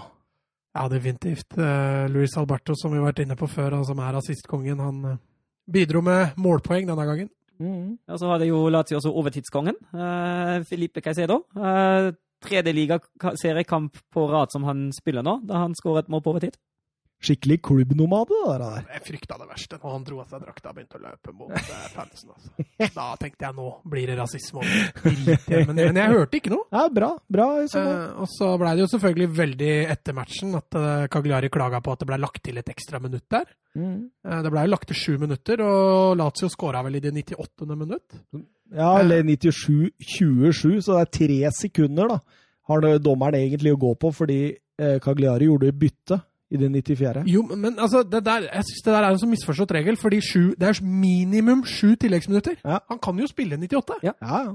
Og så når de da Cagliari-gutta på benken og på tribunen går og peker på klokka si, så tenker jeg ja, men dommeren må jo få lov til å blåse av når han vil. Han har jo ikke Og det der syns jeg er litt sånn uting, fordi det er veldig ofte drøying Mm. i den perioden som skjer. Og man forventer allikevel at vi skal ikke spille noe mer enn tillagt tid. Eh, Så det der, jeg syns det egentlig var helt greit. Ja. Kan dere Jeg bare tenker på han Caicedo nå, overtidskongen. Eh, avgjør jo mye for Lazio for tida fra benken. Eh, skikkelig klubbnobade. Kan dere nevne til sammen, da? Kan dere slå hodene sammen og så nevne fire klubber han har spilt for? Espanol, Ja. City Ja. Uh, Pass. Nei, Levante. Levante, ja. Stemmer det. Ja, da får du ta siste, da. Så. Nei, jeg tar tre. Sorry, jeg har ikke peiling. Hadde du dratt Al-Yazira nå, så hadde jeg blitt imponert. Men, eh, vi kan si Basel, Malaga, vi kan si Spa Lokomotiv Moskva, eh, Espanol Ja, du sa kanskje det? Ja. Um, ja. Nei, Lazio eh, Gabriel Haaland spurte vel også om dem er en seriøs tittelkandidat. Vi svarte vel så vidt på det i forrige eh, episode. Ja, vi gjorde vel egentlig Gjorde vel egentlig Men er de blitt noe mer tittelkandidat siden sist, eller? eh, altså, de slår jo et eh, Cagliari som er eh, fryktelig gode. Ja, det var ikke som vi har snakket om, var ikke en spesielt fortjent seier sånn sett, men Lazio er i voldsom flyt om dagen. De har tre poeng opp til Inter og Juventus, så akkurat nå så er de jo en seriøs tittelutfordrer. Vi kan Ja. jo ikke nekte dem det, men vi sa jo det sist at det ble, jeg, jeg tror ikke de holder helt inn. Nei.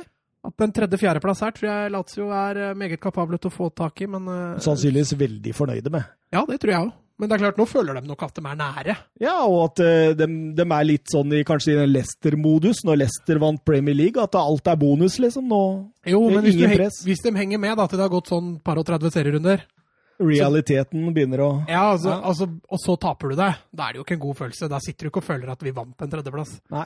Men eh, hvis du hadde blitt spurt før sesongen tar dere en tredjeplass, Ja. så tror jeg Lazio hadde Ja, sagt ja, ja, ja, ja, veldig, veldig med en gang. Veldig gjerne. er gøy med Lazio. Det er jo egentlig min uh, barndomsfavorittklubb i Italia. Og så har jeg blitt veldig imponert over både Luis Alberto og Milenkovic Savic. Ja. Det er, eh, det er en veldig bra ja og Leiva er viktig der også. Ja, men in offensivt indreløperrollen. Ja. Altså, de romma Milenkovic Savic utfordrer gang etter gang inn bak. Ja. Gang på gang. Jeg syns han er, virker så fremstå som en meget fotballsmart spiller med, med veldig gode ferdigheter. Eh, Det hadde vært spennende å sette han i en eh, engelsk klubb med, med altså en direkte fotballtype. Ja. Type Liverpool, kanskje. Eller eh, Manchester United. Ja, der hadde han jo sikkert også vært god. Men Han hadde har vært en- linka deg til en del ganger. Jo, men der hadde det? vært én av to sittende. Ja, ja Altså Hvis han, kanskje, hvis han, skulle ja. spilt den offensive rollen, så hadde, ja, så hadde, jo hadde de jo ikke blitt Nei. noe De hadde jo ikke fått den kreativiteten de trengte. Helt enig. Kanskje en Liverpool, som du sier, ja, den siste brikken i midtbanen der. Selv om Keita har jo virkelig kommet Ja. tilbake med Men han har ikke vært så god før. Det var ikke så lett å spå det. Det er nettopp det. Skal vi ta ukas talent, eller? Talent, heter det det?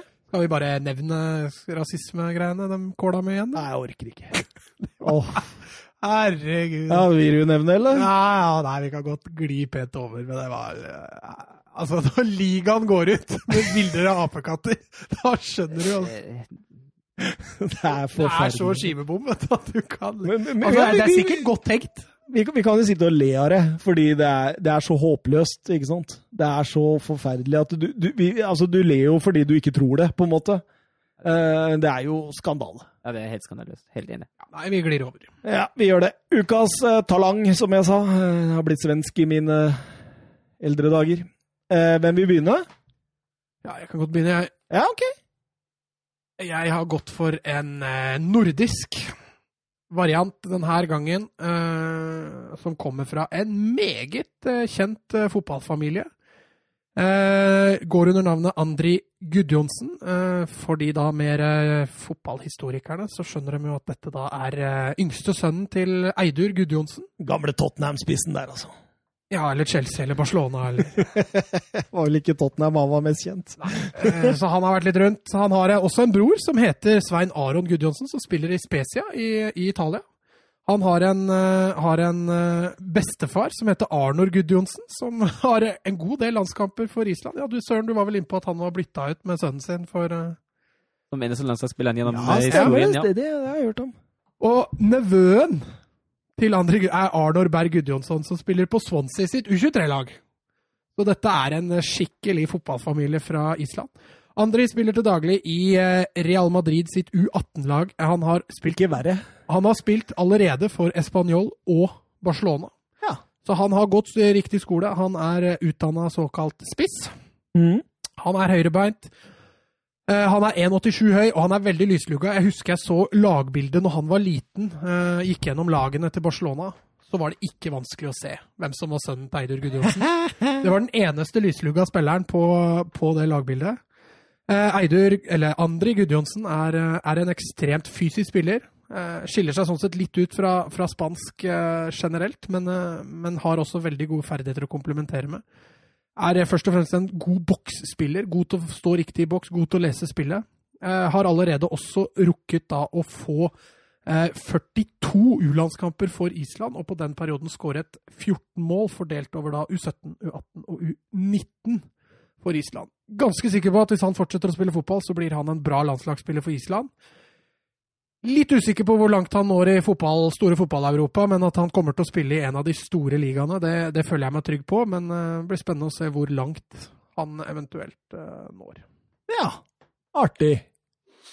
Hva med deg, Søren? Ja, jeg har Ja, det, vi, vi nevnte jo det så vidt Vi nevnte han, vi nevnte han. Ja. Han heter Jan Thielmann. Han er født eh, 26. mai 2002. Han eh, trives som uh, hengende spiss, som høyreving eller som uh, toppspiss. Men han er bare 1,78 meter høy, så han er ingen, uh, ingen særlig stor uh, Er ikke noe big dunk. Nei, han har ikke det. Uh, det er derfor han kanskje også spiller litt med hengende og høyreving. ving. han, eh, han spiller for tida i Köln. Eh, Hans ungdomsklubber er SV Hetzerat og Eintracht Trier. Han kom til Köln i sommeren 2017, da til U17-laget, som han vant, uh, vant gull med. Eh, seriegull i 2019, og så ble han forfremma til U19 U19-laget da. Eh, for U17 har han skåra til sammen 24 mål i 43 kamper. Nå i eh, U19 Bundesliga Vest, som det heter. Da har han spilt 13 kamper for Kölns U19-lag og skåra seks mål. Han har spilt for både U15 og U16-landslag, og han har spilt ti kamper med to mål for U17-landslag.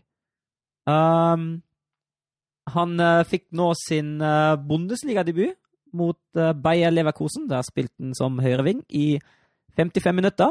han gjorde det helt greit. Han klarte å få et gult kort i, etter 39. um, men fikk en, fikk, en, helt, helt grei debut. Var sånn helt OK. Han er dermed den første spilleren som er født i 2002 til å spille i Bundesliga, og den nest yngste Köln-spilleren bak Jan Bissek.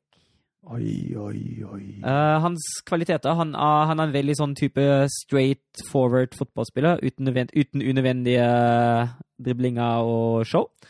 Uh, veldig aggressiv. Han har god skutteknikk, uh, god bevegelser, veldig, veldig god til å være på de riktige stedene og ta kjappe avgjørelser. Han kan og burde bli teknisk bedre. Han mangler litt fysikk. Kanskje ikke så rart for en 17-åring. Og så var han virker han litt nervøs i den første kampen, så mentale kan sikkert også bli litt, uh, litt bedre. Han er i hvert fall en veldig spennende spiller. Jeg er litt usikker på hvor høyt opp det går for ham, men uh, han har grunnlaget på plass til at dette her kan, uh, kan bli bra. Tror du han får flere sjanser av Gistol denne sesongen? Ja, jeg tror det. Jeg tror vi, det tror jeg var den siste kampen han har fått spilt nå. Ja, mens dere begge er litt usikre på uh, hvor langt det vil nå for deres talenter, så er jeg ganske sikker på at uh, mitt talent vil vi høre mye om i, i framtida. Eh, navnet er Mathias Palacios. Har dere hørt om han? Argentiner. Ja, det, det, skulle ikke så mye til, men har du hørt om han? Ja. ja? Uh, men det, var, det, er ikke han Palazzo som gikk til Leverkosten nå, regner jeg med? Nei, nei, nei. nei. Det For det var Exegel uh, Ja, stemmer. stemmer. Eh, Argentinas U17-trener Pablo Aymar. Har dere hørt om han? Ja, en helt ålreit spiller for Valencia, han. Ja. Han sier følgende om eh, Palacios. Jeg vil ikke sammenligne han med Joan Roman Riquelme, men det er helt klart at det er mange likheter der. Født 10. mai 2002 i General Pico i Argentina. Det gjør han altså til 17 år. Eh, klubb eh, San Lorenzo. Posisjon offensiv midtbane, og er allerede vurdert av Transfermarkt til en verdi av 10 millioner euro. Eh, har spilt i San Lorenzo i hele sin karriere. Det gjør også hans bror eh, Julian, som også skal eh, sies å være et helt OK talent. Debuterte på A-laget i den øverste divisjonen i Argentina, altså Primera divisjon. 21.9.2018. 16 år gammel. Yngste spiller som noen gang har spilt Primera divisjon for San Lorenzo. Eh, representert Argentina i U15, U17 og U20. Eh, beskrives som en ekstrem målfarlig midtbanespiller. En maestro, en eh, ekstremteknisk spiller. Kreativ. Eh, fører ball veldig tett. Eh, vanskelig å ta fra ballen. Eh, ja, han sier sjøl at når jeg spiller fotball, prøver jeg å gjøre det som Rikelme, Iniesta eller Aymar. Så da Der legger vi lista. Eh, rett og slett et strålende talent. Et talent jeg har lest eh, eh blir fulgt med argusøyne av eh, ditt eh, Barcelona, Mats. Eh, ja, og Real Madrid eh, scouta han også i U17-VM, som var i oktober her. Eh, sies også, ifølge ryktene, at han har en 18 millioner euro release-klausul. Så Hvilken av storelaga i Europa som utløser den fortest, det kan man lure på. Men dette her, Mats, det er jeg ganske overbevist om at det kommer til å bli en spiller vi kommer til å høre mye om i framtida. Kanskje allerede kjøpt uh, til sommeren og leid ut tilbake igjen. Jeg veit ikke. Ja, Real Madrid har jo ikke vært ukjente for å punge ut store beløp for unge søramerikanske spillere. Så. Nei, det er, Jeg tror faktisk dette er en spiller som vi får høre mye om i framtida. Merk dere navnet. Eh, helt til slutt, helt til slutt eh, Alle vi tre tipper åttendedelsfinalen, kampene. I, eh, sånn, sånn raskt, uten å tenke for mye eller drodle så mye med det. Vi, vi bare slenger ut. Eh, og, så, og så ser vi hvor det går. Eh, vi, hver gang jeg sier eh, Kampen, så begynner Mats, Søren og meg til slutt. Og så bare går vi sånn. Er vi klare? Ja. Dortmund, Paris Saint-Germain. PSG. PSG. Helle mot Dortmund, skriver jeg. Denne? Ja, ja, ja, ja, ja, ja. Jeg har litt trua på PSG. jeg. Så jeg tror. Tror alltid de feiler. Ja, men du ser litt mer rytme. altså Neymar ga bort en straff her, og det er liksom litt mer rytme offensivt. Få i gang eh, Mbappé skikkelig i gang igjen, og, og, og en Icardi som eh, får lov til å gjøre som han vil der framme. Jeg Etter disse kampene så drar vi fram dette, så, så, så måler vi bare poeng. Det er bare gøy. ja, Bare moro. Eh, City Real Madrid. Det er jo den tøffeste kampen, da. Men jeg tror City tar det, altså. En av de to jeg mener er ganske 50-50, men jeg heller mot City òg.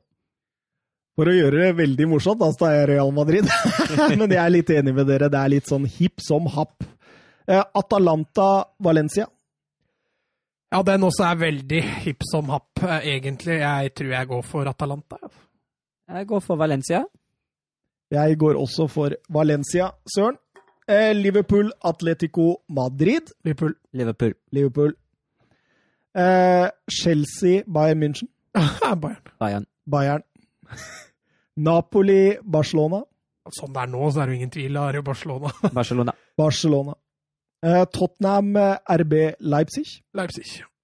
Det er også litt, uh, litt vanskelig, men da går jeg også for Leipzig. Tottenham. Du veit Tottenham mot tysk motstand i Champions League, vet du. Det, hvis du tar bort Hvis du tar bort Jeg så du Ja, var perfekt tidspunkt å lire av deg den setningen Hvis du tar bort disse to kampene mot Bayern München, så har de kun tapt én kamp mot tysk motstand. Av Da blir det altså av åtte. altså, Hvis du tar med de to, da, så har de tapt tre av ti. Så jeg tror eh, Tottenham Statistikken ble jo ikke så dette, mye dette er. Mourinho. Dette er noe annet, ikke sant? Nå, nå eh, Ja, Nagelsmann Nagelsmann når kaster opp spillere, prøver å Ja, nei, dette er Tottenham. Jeg er sikker. Er du det- sikker? Jeg, Er er faktisk, sikker? jeg er faktisk sikker. Eh, Lyon Juventus. Juventus. Juventus. Det betyr da at eh, vi er ganske sikre på at Juventus, Barcelona, Bayern München og Liverpool er videre. Det er vi samstemt om. Eh, Det betyr også at eh, jeg tror på Dortmund, dere tror på PSG. Jeg tror på Real Madrid, dere tror på City. Eh, Jeg og Søren tror på Valencia, du tror på Atalanta, Mats. Og så er det siste da, som er Tottenham. Der var jeg mot dere. Spennende. Der er du inhabil, vet du. Ja, men samtidig så mener jeg jo at min inhabilitet her eh, Altså, dette er Mourinho. Han veit hvordan du vinner fotballkamper. Han veit hvordan du spiller cup. Det gjør, Han- det gjør, han- Nagel, det gjør Nagelsmann òg. Ja, veit han da? Ja. Eh, Han er litt ung ennå. Han er er litt han, men han Han er første gang klubben er i Champions League, Han- Mats. nei, det er andre. Det er første gang de er i sluttspill. Sluttspill, ja. ja, okay. Men uh, han veit åssen han vinner fotballkamper. ja, vi får se, da. Mm. Hvor mye vil du vedde på det? En sykkeltur til Sandnes, eller? Nei, jeg tenkte litt mer materialistisk, ja. Ja Hvis du, må, du kan sykle den United-turen din i en Øsil Arsenal-drakt. Det kan jeg ikke. Det, det kan jeg ikke, det veit du veldig godt. Hva er det du skulle sykla i da? Du, du, du, du har liksom ikke noe sånn Nei, altså Det verste jeg kanskje kunne trødd på meg, var en Vålerenga-drakt. Det, det er det ultimate, tror jeg. Ja. Kunne du tredd på deg en Vålerenga-drakt? Nei, aldri i livet. Aldri. Å, nei! Eh, vi snakka, Mats, om at vi kanskje tar en, en rask gjennomgang av helgen på søndag før det er juleferie. Ja. Da tar vi oss noen dager. Vi veit ikke helt eh, hvor mange. Men det blir ikke noe boxing day, i hvert fall, for da er jeg på juleferie langt oppe i skauen. Nei, vi får vel ta en runde nærmere nyttår, tror jeg. Eller kanskje rett på andre sida. Ja. Finner ut av det, i hvert fall. Kanskje vi får med Søren da òg. Søren, eh, du blei ikke med på søndag. Nei, det tror jeg ikke jeg rekker. Men jeg vil gjerne med rundt nyttår. Ja. Vi, vi, vi finner ut av det. Blir en rask en, vet du, Mats. En sånn god god juleepisode. Ja. Hvor vi har litt uh, El Clásico. Vi, vi, vi kan jo sitte egentlig og å snakke skit om uh, fotball. Bare snakke litt om hva som har skjedd, og ikke så mye manus og ingenting. Bare freestyle litt. Det er gøy, Bare det òg. kos, rett og slett. Mm. Eh, skal vi si ha det til alle våre lyttere som har holdt ut i to timer og 23 minutter? Ja. Ha det bra, alle lyttere. Ha det og god jul. God jul!